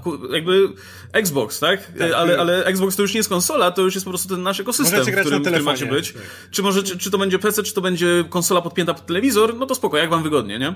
E, i, I tutaj może się zmienić, natomiast wiesz, wciąż będziemy mieli bitwę ekosystemów, nie? Jak w którymś momencie e, Sony stwierdzi, że no dobra, to trochę przespaliśmy i musimy mocno zainwestować w streaming, wciąż jakby będą skłaniać do tego, żebyście zarejestrowali się tutaj tak, u nas, PlayStation Now. czy PlayStation Now, tak, właśnie. Tak, i będziesz miał bitwę po prostu między tymi dwoma ekosystemami i wciąż Sony będzie miało swoje ekskluzywy w ramach swojego, swojej usługi i możesz sobie grać oczywiście na PC, czy na nie wiem, na jakimś yy, innym urządzeniu, albo na PlayStation, ale wciąż to będziesz musiał, będziesz musiał opłacać sobie no, PlayStation Now, czy, przejdziemy czy do wojny streamingowej. Nie, Netflixa, czy Disney Plus, czy cokolwiek możesz teoretycznie odpalić na wszystkim, e, ale treść się, się tam, tam różni. Z tym, że no, z mojego punktu widzenia, ponieważ koszty w tym momencie, które przekładane są na użytkownika, maleją niebotycznie, bo co innego jest zapłacić te 10-15 zł czy ile za abonament i grać na czym tylko chcesz, a co innego jednak inwestować w konsolę i gry na, tylko na tą konsolę, kiedy wiesz, że nigdy nie zagrasz potem w te gry na niczym innym, to według mnie z punktu widzenia mnie jako konsumenta mi taka sytuacja dużo bardziej odpowiada niż to, co jest teraz na rynku.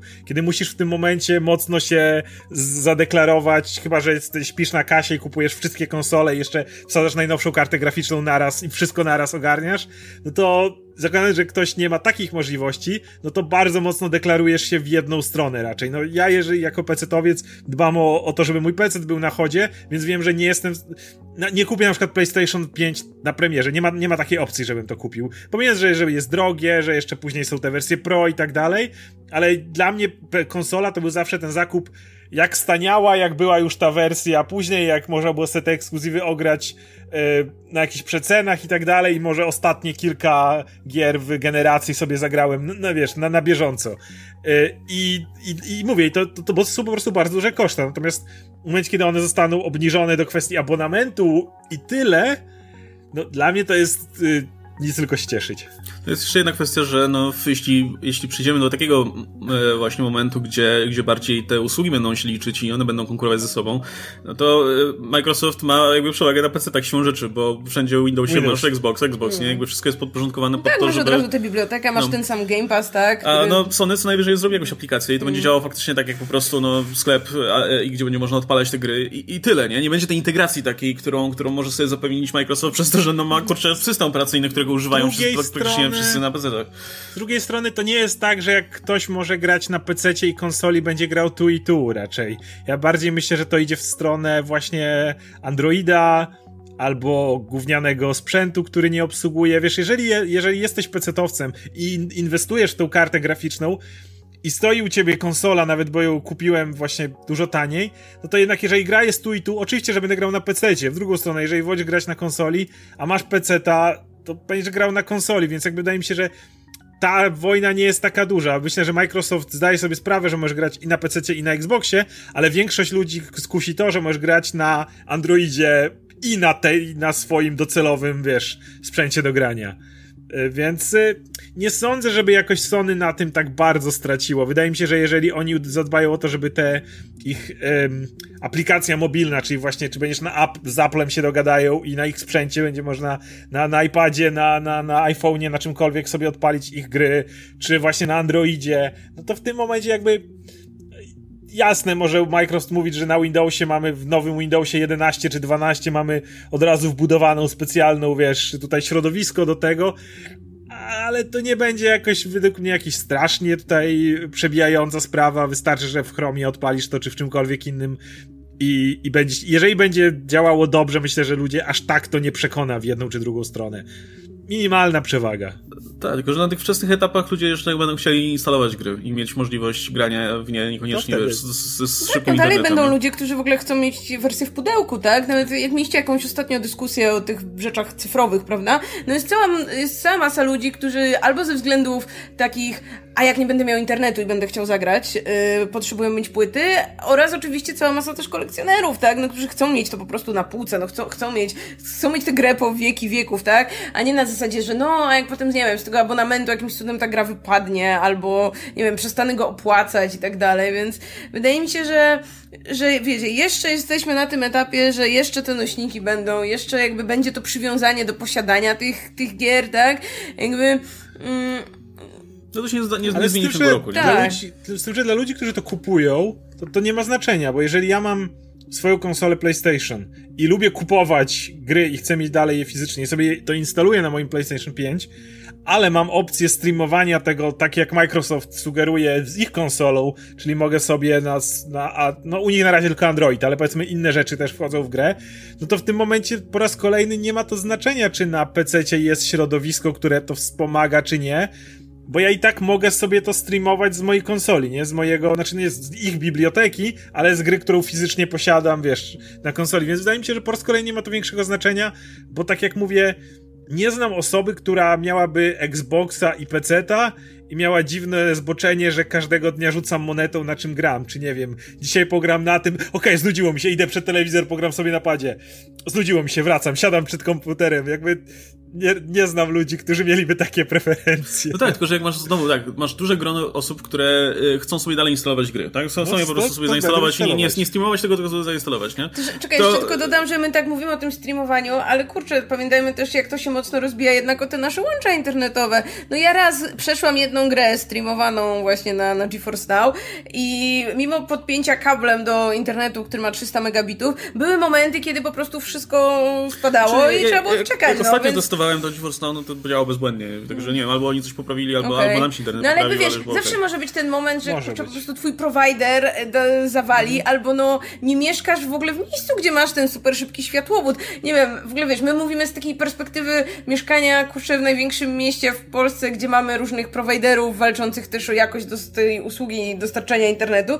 A wiesz, no znam ludzi, którzy mieszkają w centrum Warszawy, gdzie akurat jest martwy punkt i nikt im nie dowiezie stałego łącza, nie? Więc, a już nie Też, mówiąc o mniejszych miastach, już nie mówiąc o miejscach, gdzie wiesz, o zasięg telefonu jest czasem trudno, no to kurczę, jakby też, też wydaje mi się, że jeszcze, jeszcze pohamujmy się z tym streamowaniem, nie? To jest No. fajna opcja na, za, nie wiem, za 50 No to lat. właśnie szczególnie w tym kontekście, nie? Jak masz du duże grono osób, które wciąż, chcą sobie zainstalować grę, mieć święty spokój i chcą, żeby, żeby ta gra działa, po prostu, wiesz, y, działała na, na sprzęcie konkretnym. Szczególnie jeśli zainwestowali właśnie w sprzęt i tu nagle się orientują, że kurczę, co, to co, teraz mój sprzęt jest do już wyrzucenia? Nie, chcę dalej instalować grę. No to masz, wiesz, osoby, które chcą grać na Xboxie w ten sposób i osoby, które chcą grać na PC w ten sposób, to będą korzystały z Xboxa, nie? W sensie z, z tej usługi Xboxowej. tak. A te osoby, które będą chciały grać w, tak, w ten sposób na PlayStation, no to będą grały na PlayStation, tylko że to jest jakby dwa do jednego w tym momencie, nie? I, i Trochę. jakby patrząc pod, pod tym kątem, no to jakby widać, kto ma przewagę w tym wypadku. Znaczy, ja mam wrażenie, że PlayStation ma jakby przewagę w stosunku do tych odbiorców, którzy akurat są totalnie kompatybilni z tym ich typem gier ekskluzywnych. I to na przykład jestem ja, że jakby większość, nie wiem, moich ulubionych gier z ostatnich lat to są ekskluzywy Sony, bo po prostu, no, no te ich gry mają z reguły jakiś taki wspólny element, mają na przykład, no to nie wiem, to mocniejsze nastawienie na, na fabułę, na No to jest postacie, firm jednocześnie jest tam sporo o open worldów i tak dalej. E, I są to z reguły gry bardzo dobre, co najmniej, tak? No zdarza, zdarza się, że coś jest gorsze, nie wiem. Zdarza na się przykład, Days Gone. No zdarza, chociaż Days Gone też ma swoich fanów, którzy na przykład uważają, że super jest ta gra. No ja akurat tam powiedzmy nie zatrybiły rzeczy tak do końca, ale no jakby tych wpadek jest zdecydowanie mniej niż tych tytułów, na które się po prostu wszyscy, że tak powiem, rzucają, jeśli dany typ gry w ogóle ich interesuje. E, i, I wydaje mi się, że, że, że jeśli jakby dalej będą się trzymać tego typu gier i też tych marek, które no już mają tych oddanych fanów, których no, no nie ma szans moim zdaniem, żeby Sony to gdzieś tam zaczęło wiecie, szerzej, szerzej wypuszczać właśnie jakieś God of War, Uncharted i Nie, tego ja myślę, że oni się okopią jeszcze bardziej, bo tak jak powiedziałaś, to jest kwestia jakichś pięciu lat. Ja właśnie w tym znaczeniu to powiedziałem, że wydaje mi się, że to jeszcze nie jest ta generacja. Mo może końcówka tej generacji. Zakładając, że ona będzie trwała znowu te 5 lat czy coś takiego, to dlatego właśnie uważam, że na PlayStation 5 to Sony się po prostu okopie jak tylko się da, wiedząc, że już w kolejnej to może być tak, jednak ten internet może się rozwinąć, może straszne 5G wszystkich o, o, opanować i w ogóle różne rzeczy mogą się dziać, ale generalnie zdają sobie sprawę, że to jeszcze nie, a skoro jeszcze nie, no to teraz albo nigdy. I po raz kolejny dlatego uważam, że w tej generacji będzie jeszcze większy nacisk na to, że te, te treści zagracie tylko u nas. I myślę, że nawet będą, będzie większe, będą większe kampanie reklamowe, nowych gier i tak dalej, z bardzo dużym naciskiem Mało tego, nie wiem czy zauważyliście, w tym momencie jak jest e, reklama nowej gry, która jest cross-platformowa, Sony dalej ją reklamuje jako ekskluzyw, co mnie kompletnie rozwaliło. Jak było ostatnio reklama, to był chyba te w okolicach tego pseudo E3, nie, nie E3, wiadomo, tych, tych różnych pokazów i e, była pokaza takiej nowej gry, która nazywa się Godfall, która jest takim połączeniem Diablo z God of War, z czymś takim, no nie, nie, nieważne. I e, pokazali ją na. E, kiedyś ją pokazali na E3 jako na konferencji Sony. I było, że tam był tylko. Nie było nawet gameplayu, tylko był sam cinematic i on PS4. Kurde, no to ekskluzyw. Potem masz, mamy kolejny, gdzie już jest pokazany e, e, gameplay on PS4. A potem jest konferencja Microsoftu i też ci pokazują Godfalla. I on PC, PS4 and Xbox. Wszystkie trzy, nie? Nawet Mike, Sony, nawet reklamując gry, nie mówi w ogóle w tym momencie o innych, nawet jeżeli one wychodzą razem. Tak, bo nie ma only, tylko jest po prostu no on PS4, no, tak, no dokładnie, prawda, nie? Dokładnie. I to, i to, więc wydaje mi się, że to pokazuje to jeszcze bardziej okopanie się, to jeszcze bardziej ustawienie się na zasadzie jak wychodzi ta gra, to może nie dostaniesz nawet informacji, że ona jest na innych, więc jak coś, to pomyśl, że jest tylko u nas.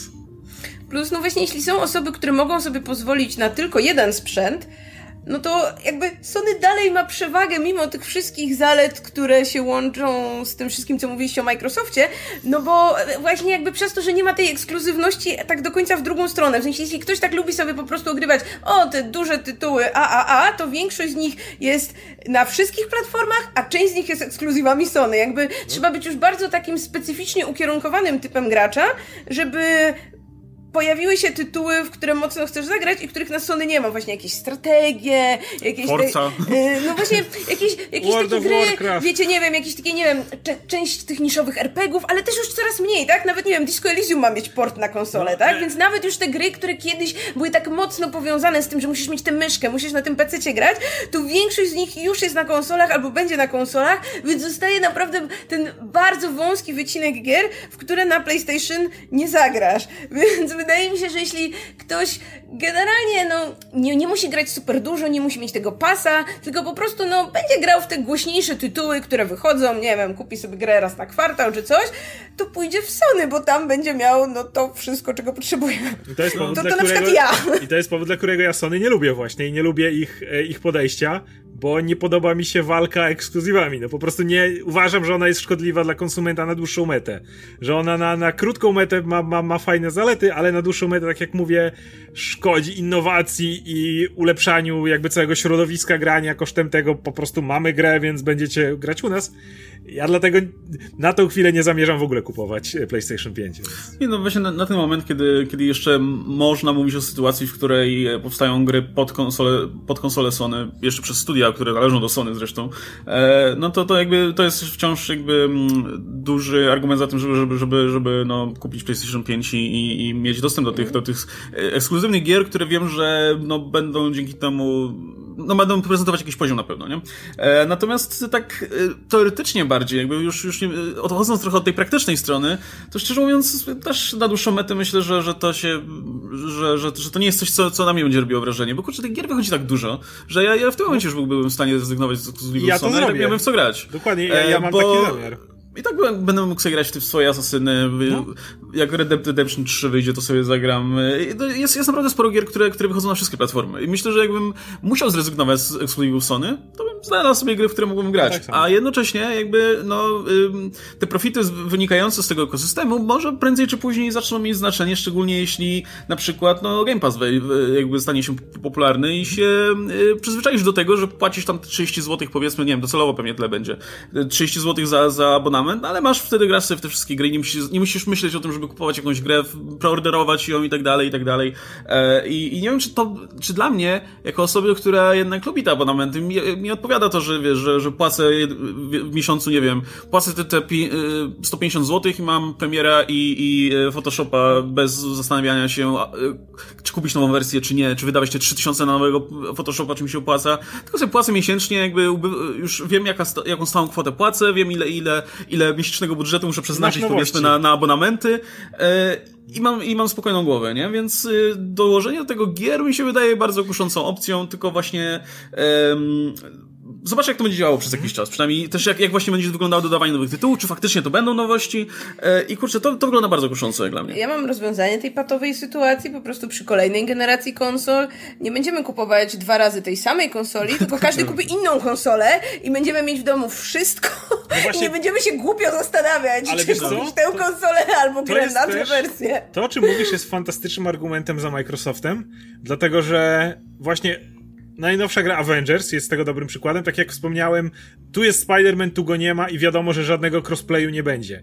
Umówmy się, że jeżeli Microsoft tak bardzo pchnie na to, żeby zrobić z tego swój ten ekosystem, dla osób, które chcą pograć razem, czy będzie, czy, czy to jest couch co-op, czy to jest jakakolwiek inna wersja, raczej możemy założyć, że, jaki, że crossplay to jest kwestia, to jest raczej sprawa oczywista. Że jeżeli będziesz, będzie gra, która jest w tym ekosystemie Microsoftu, to nie ma znaczenia, czy gram na PC, czy gram na konsoli Xbox, czy gram na telefonie obok. Jeżeli chcemy pograć w to razem i mamy możliwości, żeby to zrobić, to raczej będziemy mogli pograć nieważne w jaki sposób odpaliliśmy tę grę. Sony, które będzie zabunkrowane w tym swoim działaniu, oczywiście dalej, jeżeli ktoś gra tylko w gry single player i tak dalej, to spoko może sobie tam grać, ale już jakiekolwiek kopy, do których wiem, że się ostatnio też przekonaliście i gracie i wam się Ale tylko kanapowo gramy, jakby my Tak, i tak ale- byśmy ale- nie grali, wiesz, na dwóch urządzeniach Tak, ale, różnych, nawet... ale, ale cały czas. Ale teraz byśmy mogli, więc- Ale, ale, ale cały czas, gdyby na przykład nie, nie, dana gra nie obsługiwała kanapowego koopa y, bezpośrednio w środku, ale moglibyście w ten sposób zamiast kupować kolejną konsolę PS, odpalić to na Nvidia Shield powiedzmy i w ten sposób grać, wydaje mi się, że cały czas jest w jakikolwiek sposób kuszące. E, I ja, ja mam tak w ten sposób właśnie przy graniu ze znajomymi w ogóle po sieci, że jakby sam fakt, że mamy tu blokadę i trzeba patrzeć kto na co kupi, bo jeszcze ktoś kupił na niewłaściwą platformę i już nie mogą grać razem, to jest spora blokada i to, że Sony jest jakby się zamyka w tym swoim w swoim środowisku, według mnie jest znowu na korzyść Microsoftu. I tak jak Łukasz to mówisz, ja też myślę, że będę w stanie zrezygnować z ekskluzywów Sony i mam zamiar to zrobić. E, I jakby gier wychodzi tak dużo, plus w ostatnich latach ta ekskluzywność też mocno pękała. Jasne, czasowo, Red Dead Redemption wyszło rok później na PC-tach, em, Death Stranding wyszło po pół roku, Horizon Zero Dawn, jasne jest teraz ten port, wszyscy narzekają, ale umówmy się, spaczują to w ciągu miesiąca zapewne i będzie się dało grać. Ile to było? 2-3 lata różnicy, ale ja nie muszę grać zawsze w nowości. To nie jest tak, że ja muszę usiąść i w tym momencie już ogrywać najnowszy tytuł. Więc ja nawet mam perspektywę, że za rok ten głośny tytuł wyjdzie tutaj, a nie muszę koniecznie kupować tego sprzętu, mi też nie przeszkadza jakoś strasznie, więc ja tak samo jakby coraz mniej mnie kręci to, że muszę koniecznie grać w gry Naughty Dog. Już nie muszę. No i podejrzewam, że koniec końców e, ekskluzywność stanie się domeną konsol takie, jakie robi na przykład Nintendo, nie? Że znowu wymyślą sobie konsolę, która będzie miała jakiś specyficzny gimmick Tak, i tutaj możesz będą... sterować tylko tym y, wajchą, która jest na dole, która coś tam, więc... Tak, tylko lewym uchem. Plus, no właśnie, jakby, te jakby gry Nintendo też są takie, powiedziałabym, mocno wyspecjalizowane, w sensie tam też no jest kilka tych typów gier, ale właśnie jeśli ktoś lubi tego typu gry, właśnie, nie wiem, do platformówki, albo jakieś takie e, gry, powiedzmy, to jest ta arcade'owe, tak? idealna druga no to, konsola, jaką no to, to kupić. jakby nie ma czego szukać. Albo drugi sprzęt e, ogólnie. jakby, w sensie, no Nintendo wtedy pokonuje konkurencję po prostu na tym polu, no bez problemu, tak? Jak jasne, możesz grać, nie wiem, w jakieś tam platformówki na innych platformach, no ale kurczę, jednak y, pierwsze skojarzenie to, to, to Nintendo, tak? No ale Nintendo jakby wybiło się właśnie tym na rynku, że oni mają swoje gry, które nawet są zrobione, tak jak mówisz, w ten sposób, że ja sobie nawet nie wyobrażam, jak wiele z nich w ogóle miałoby działać na klawiaturze, myszce, czy nawet padzie klasycznym.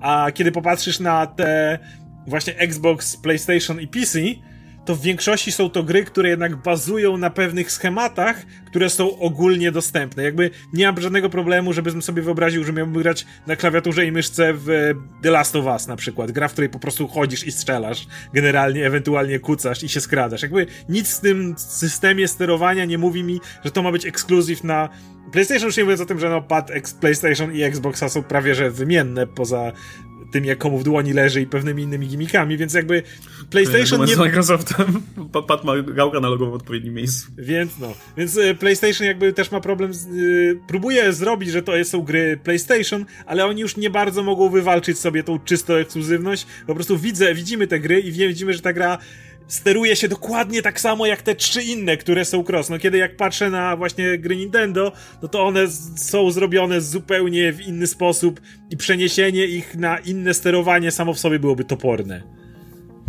No. Myślę, że to dobry moment, by Tak. No, myślę, że przepaliśmy temat. Tak, tak no. Na wszystkie strony przewałkowaliśmy, tak więc.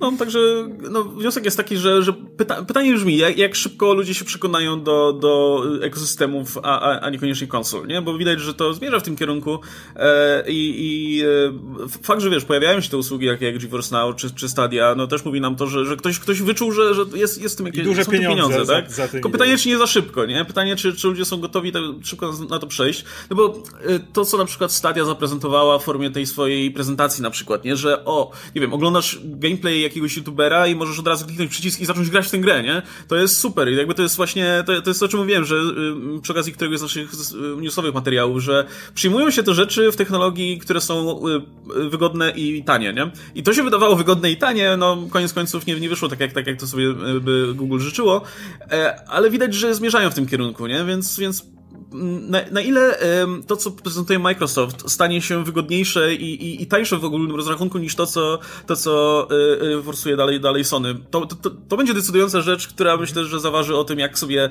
może nie, wiecie, no, wy, wygrać tą generację, no to to jest jeszcze daleka droga, ale żeby, żeby właśnie wy, wypracować sobie pozycję, powiedzmy, w, ty, w, tym, w, tych, w tych pierwszych etapach, nie?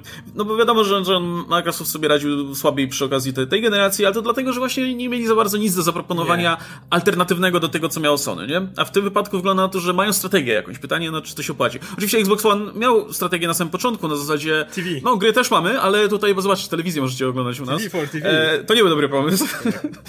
ale no, teraz, teraz mam wrażenie, że ten pomysł jest dużo lepszy, bo mówię, do mnie to przemawia. Ja jestem, ja jestem casualowym graczem, no gram sobie w ta, parę tytułów w ciągu roku e, i, i świadomość, że, że mówię, ten, ten, tego abonamentu, faktu, że mogę sobie potem grać na innym urządzeniu, jeśli na przykład nie mam dostępu do konsoli. Mnie na przykład strasznie wkurzało to, że... Wkurzało, no...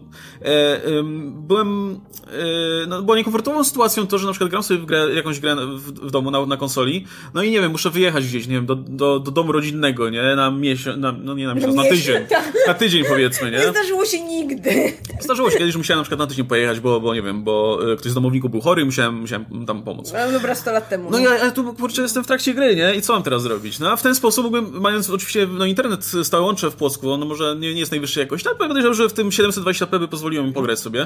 E, mogłem sobie grać dalej, jakby nie byłoby żadnego problemu. Natomiast no... Z rodziną czas spędzaj, z domu wyjść, a nie... W nocy, jak wszyscy śpią, e, żebym grał sobie. Nie, no absolutnie. teraz pojawiają się te możliwości, których wcześniej nie było, nie? Ja sobie absolutnie to wyobrażam, właśnie kiedy, kiedy gram w coś i myślę, muszę wyjechać i spoko, bo muszę się spotkać z tą osobą, to załatwić to, no dobrze, ale to ci zajmuje w, w, domu cały czas masz co robić. Albo w coś grasz, albo coś przygotowujesz, albo pr pracujesz, albo robisz masę innych rzeczy. Jak wyjeżdżam, to siłą rzeczy mogę wziąć jakiś sprzęt, który mi coś pomoże, ale nie wszystko. I w tym momencie masz ustawione te i te spotkania, ale po drodze są dziury. I czasami jest tak, że siedzisz i tak, no dobra, no wyjadę, po, załatwię tę sprawę, a potem będę... Mogę, mogę śpić, ale wolałbym zostać w domu. Netflixa oglądał. Książkę byś poczytał, Głupoty a nie na Netflixie tam. będę oglądał czy coś. A także jeszcze jakby do tej rozrywki, którą tylko zabijacza czasu właśnie dojdzie opcja pogrania sobie w tą grę, w którą i tak gram w domu, to jest naprawdę fajny, fajna rzecz. Więc oby. Okej, okay, jeszcze nie podsumowałeś ze swojej strony. Czy y, któraś z tych opcji nie wydaje ci się kusząca jakby z twojej perspektywy? Sony pan. Bo już wiemy, że woli zostać przy Sony, ale... No ja wolę że... zostać przy Sony, bo po prostu mnie akurat najbardziej jarają te gry, które są tam, a jakby inne gry, w które gram też są tam i jakby, kurczę, dla mnie jest fajne to, że mam sobie to jedno urządzenie, na którym mogę sobie odpalać y, też różne inne rzeczy, więc ja na przykład no nie, nie mogłabym nie mieć konsoli w tym momencie, bo ja już sobie w ogóle nie wyobrażam, nawet jakby wiecie, na PC były wszystkie gry, które są też na konsolach, to, to wiecie, ja potrzebuję mieć to coś, co jest podpięte do telewizora, gdzie sobie tutaj grę odpalę, tutaj sobie YouTube'a odpalę i siedzę na łóżku Właśnie i tak odkąd, dalej. Odkąd mamy, Więc... odkąd mamy tego nowego shielda, to mi się dużo wygodniej korzysta z tego shielda przez to, że jestem pilocik, który jest super wygodny Ale no, wiecie, są te wszystkie, nie wiem, inne te aplikacje, potem się okazuje, że wiesz, na Shieldzie nie masz Disney+, Plus, na Shieldzie nie masz czegoś tam jeszcze, jakiejś aplikacji takich, wiesz, rozumiem. nie Ja wiem, to HBO, czy jakieś tam, tam rzeczy, więc, yy, no kurczę, jakby konsola jedna przynajmniej tak, jak, jako to takie centrum rozrywki jest super rozwiązaniem. Zwłaszcza, że hej, jakby dalej tylko konsole odtwarzają ci Blu-raya na przykład, które już Nie- masz, nie nie? zgadzam jakby... się Że co? Nie zgadzam się No, no, kompletnie. To są, te, chyba- to są te czy- płyty, czy- których czy- nie korzystam. Czytniki Blu-ray na PC to chyba dalej jest jakaś taka fanaberia, nie? Ja raz miałam laptopa z Blu-rayem, Czytniki ale... Blu-ray to jest fanaberia. Czyty, czytniki czegokolwiek obecnie to jest dla mnie fanaberia. No, jakikolwiek no w każdym To razie, tak no, jakby no dobra, ale że- masz już tę bibliotekę iluś filmów, no to, to co? to ja Potem mogę powiedzieć, idzie że. Xbox ma Kinecta, bo to jest ta rzecz, której używam i dlatego jest lepszy.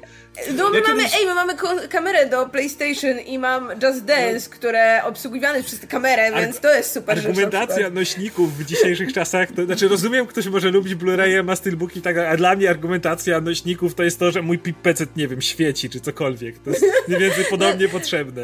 Zmierzam do tego, że no ja pewnie kupię to PlayStation 5. Jeśli będziesz chciał kupić dodatkowo Xboxa i opłacać abonament, spoko, wykorzystam, ale jeśli nie, to ja na pewno nie kupię drugiej konsoli, no bo jakby to już by był taki, tak, taka totalnie fanaberia właśnie z mojej strony. Ja mam wrażenie, że dotarliśmy do momentu, kiedy faktycznie potrzebujemy dwóch konsol, bo ostatnio gramy też często jakby dwie różne, równoległe rzeczy, nie? I okazuje się, że na początku mieliśmy ambitny plan, że no, no jak ktoś będzie grał, to ta druga osoba w tym czasie będzie sobie robić coś innego, bo będziemy się zamieniać czy coś. Ale no po co, jak sobie No możemy to- grać w dwóch konsolach jednocześnie. no. Więc y, na początku to pewnie będzie PlayStation 5, PlayStation 4 dalej, ale później pomyślę faktycznie nad tym. No zobaczymy, jak, jak kupimy w końcu telewizor i kanapę, to zobaczymy, kto będzie chciał w tym momencie siedzieć gdzieś indziej i grać na czymś znacznie w, w gorszych warunkach. Nie ja. Jak proszę. No w sensie, jeśli ktoś będzie grał w, Ja na mogę, telewizorze, kurde, to co, będziesz dalej tam siedział skitrany i grał na monitorku? Nie, no, na W innym telewizorze. pokoju? Przy biurku z klawiaturą No, i myszką. dobra, dobra. I myszką. Jedyna opcja. W więc biurku to ja zobaczymy. pracuję. Nie, nie. Jedyna E, opcja. Znaczy, mm, znaczy wiecie, no w moim przypadku już tak cały czas tu, tu mówię o tym, że bym chciał wrócić do streamowania. Podejrzewam, że jak, jakbym wrócił do streamowania, to siłą rzeczy będę grał w, z konsoli na, na przybiórku, no bo będę je streamował. Więc y, to, to się myślę, że ten problem się rozwiąże bardzo szybko. E, no, ale tak czy siak, słuchajcie, dajcie nam znać, jak, jak, wy, na, jak, e, wy się na to zapatrujecie, bo ja wiem, w ogóle jak ostatnio miałem materiał o, o GeForce Now u siebie na, na, na kanale, to się spodziewałem, że będzie masa takich, że nie, ja to tylko gry, tylko gry na kartridżach i nic więcej już nie gram, bo tylko to gwarantowało prawdziwe granie. Wiadomo, co są gracze. Często są bardzo konserwatywni względem tutaj technologii, ale nie, wszyscy byli, no fajna technologia, nie? Może jeszcze nie teraz, ale w sumie wygląda spoko i byłem naprawdę zaskoczony. Nie wiem, może tylko moja publika, bo, bo, bo, bo, tylko tacy zostali mnie oglądają, ale, ale byłem bardzo zaskoczony tym, że właśnie ludzie podchodzą dosyć otwarcie do, do, do, do tego tematu, nie? Gdzie, gdzie wiem, że nawet jak Steam się pojawił, pamiętam, ja jestem stary, więc pamiętam jak Steam się pojawił i było wielkie przerażenie wśród graczy. Jak to? To gry ben... tylko online muszę być, żeby grać? Co? Oj, E, ty się śmiejesz. Ja znam ludzi do tej pory, którzy nie kupują gry nigdzie, jeśli nie mogą jej odpalić offline. Czyli z tego co kojarzę, to chyba na Gogu można je kupować, ale już właśnie na Steamie na przykład nie kupują gier na Na Steamie Steamie. można kup- grać offline. To wydaje mi się, że jakby... Nie, no można. Ale trzeba ją wcześniej ściągnąć, czy No coś tak, tak, takiego. No tak. Ale ściągasz ją i grasz offline. Myślę, że...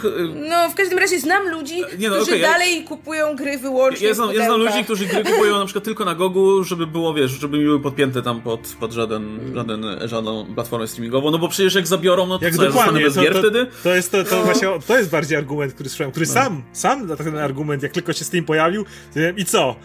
Padnie to za rok i co? I wszystkie moje gry, co miałem, to wiesz, to, to przepadną, nie? Ileś lat, Ale lat no, ja, później... ja to miałem na myśli mówiąc online, nie? W sensie, że ta biblioteka istnieje wirtualnie tylko, nie? Nie masz tych płyt, nie możesz potem powiedzmy wziąć ich i zainstalować gdzieś indziej, no to Prędzej tutaj... te płyty wszystkie ci się zniszczą, zgubisz je trzy razy zanim Steam padnie, więc to... Znaczy, to jest, e, to jest zasadny argument, nie? Ale w tym momencie, kiedy już wiemy, że, że Steam jakby raczej, raczej przeżyje, to, to jest co innego. Dlatego ja na przykład bym się obawiał inwestować w te gry ze Stadii, Tak, no bo to absolutnie. jest niby Google, nie? Ale z drugiej strony projekty Google upadały po, po, jakimś czasie, jak Google Plus na przykład, nie? Czy, czy Wave, czy, czy coś w tym guście. Czy, e, Więc, Więc nie dziwiłbym się, jak na przykład Stadia po dwóch latach stwierdzą, dobra, zwijamy ten interes Tak. do widzenia, nie? Dlatego I zostaniesz, zostaniesz bez tych gier już. Dlatego streaming gier, które masz, jest coraz lepszy. W życiu bym nie zainwestował w gry Stadif na tym etapie i to, że musisz je kupować teraz, to jest według mnie u nich strzał w stopę. Powinni byli się dogadać ze Steamem czy z kimkolwiek. Nawet z jedną platformą już by mieli dużo lepszy start. No. Także słuchajcie, chętnie poznamy wasze zdanie, bo my tak sobie dywagujemy, ale oczywiście no, mówimy raczej z naszej perspektywy, ale być może, być może macie jakieś inne podejście do tego, chętnie poczytamy, e, bo to pewnie będzie temat, który z biegiem lat będzie, będzie tutaj coraz, e, coraz bardziej wychodził na pierwszy plan, nie? jeśli chodzi o te o pojedynki konsol e, i, i, zobaczymy właśnie, jak szybko przejdziemy z pojedynków konsol na pojedynki usług platform. albo ekosystemów, no albo platform. No bo to jest, to jest chyba wyraźny kierunek, w którym to, to wszystko zmierza. No, mieliśmy jeszcze jakieś pytania przerobić, ale nie ma czasu, więc Następnym Trudno. razem. Next time. Następnym razem, e, następnym razem mamy dzisiaj dwa duże tematy, w sumie też, też spoko. Ale możecie dosyłać nam pytania, jeśli chcecie, bo pytania nam się trochę kończą, plus mamy trochę pytań, na które nie mamy co odpowiedzieć. Jakby po prostu pytania rzucać- bardzo takie szczegółowe, gdzie ktoś pyta o konkretny tytuł i nikt z nas na przykład w to nie grał, więc... Tak, więc będziemy, generalnie- e, będziemy e, tutaj metodą słonia, w sensie e, będziemy e, robić dygresję do innego tematu i mówić o tym innym temacie. No tak więc jeśli macie jakieś pytania, jakieś, nie wiem, konkretne gatunki, platformy, czy cokolwiek związanego z grami, no to to jest dobry moment, żeby zadać, bo kolejka nam się mocno już skróciła. Ja, ja chcę powiedzieć na końcu, że odpaliłem już e, betę Avengers, bo mam dostęp do niej. Odpaliłem na 5 minut i nie mam pojęcia, czy to jest związane z pro problemem tego, że miałem stare sterowniki nieaktualizowane od paru miesięcy, ale miałem po. Zacząłem misję Thorem i grało mi się spoko, ale jak tylko wszędzie zaczęły się robić ognie, to mi spadło do trzech klatek na sekundę. Mam bardzo mocny sprzęt, więc e, czy zaraz będzie kolejna afera gównianie zoptymalizowana gra na pecety? Czy ja miałem złe sterowniki? Czy, i to jest ciekawa rzecz, jest jakaś... Ach, to granie na pececie. I, I teraz moja kontra. Jest jakaś podobno opcja, którą już jak robili, ludzie testowali w becie na PlayStation, to mówili, żeby ją wyłączyć, bo PlayStation 4 nie jest w stanie tego udźwignąć i performance spada jak pojebany. Może też miałem to włączone, bo już nie pamiętam co to było i PC-ów to też się tyczy, które są, to byłoby chore, bo są 5 razy mocniejsze niż ten PlayStation, ale sprawdzę i dam znać, jak się gra dłużej niż 5 minut, o ile dam radę. No, to przy, pewnie przy okazji kolejnego odcinka już jakoś tam sobie po, pogadamy. E, no, raczej nie będziemy grać, ale, ale nie wiem, że jakieś gameplaye sobie zobaczę. Wrzu- jak- wrzucę jak to wam wygląda. streaming, bo Nvidia O. też oferuje, mogę w każdej chwili włączyć streaming, podesłać im linka i możecie na swojej przeglądarce odpalić to i zagrać. Jej, super, fan. Odpalimy sobie na telewizorze, będziemy oglądać jak Oskar Nie, oglądać, grać. A, grać, okej. Możecie normalnie grać. Mogę streamować, zrobić z, dzięki Nvidiowym tym, dać wam kompletnie taką samą kontrolę, jakbyś miał na GeForce Now. O, no O, widzisz. okej, No dobra, to sobie pogramy. E, no dobra, słuchajcie, to będziemy na tym kończyć. E, Dziękuję wam bardzo za, za uwagę i, i tak jak wspomnieliśmy, zachęcamy do zadawania kolejnych pytań. Link macie w opisie oczywiście, napisy końcowe.pl, ukośnik hajs e, i widzimy się w, kolejnych, w kolejnym odcinku. A poza nami Marta Najman, Oskar Rogowski, ja się nazywam, ja się nazywam Łukasz Stelmach. Do zobaczenia w kolejnym odcinku. Trzymajcie się. Cześć.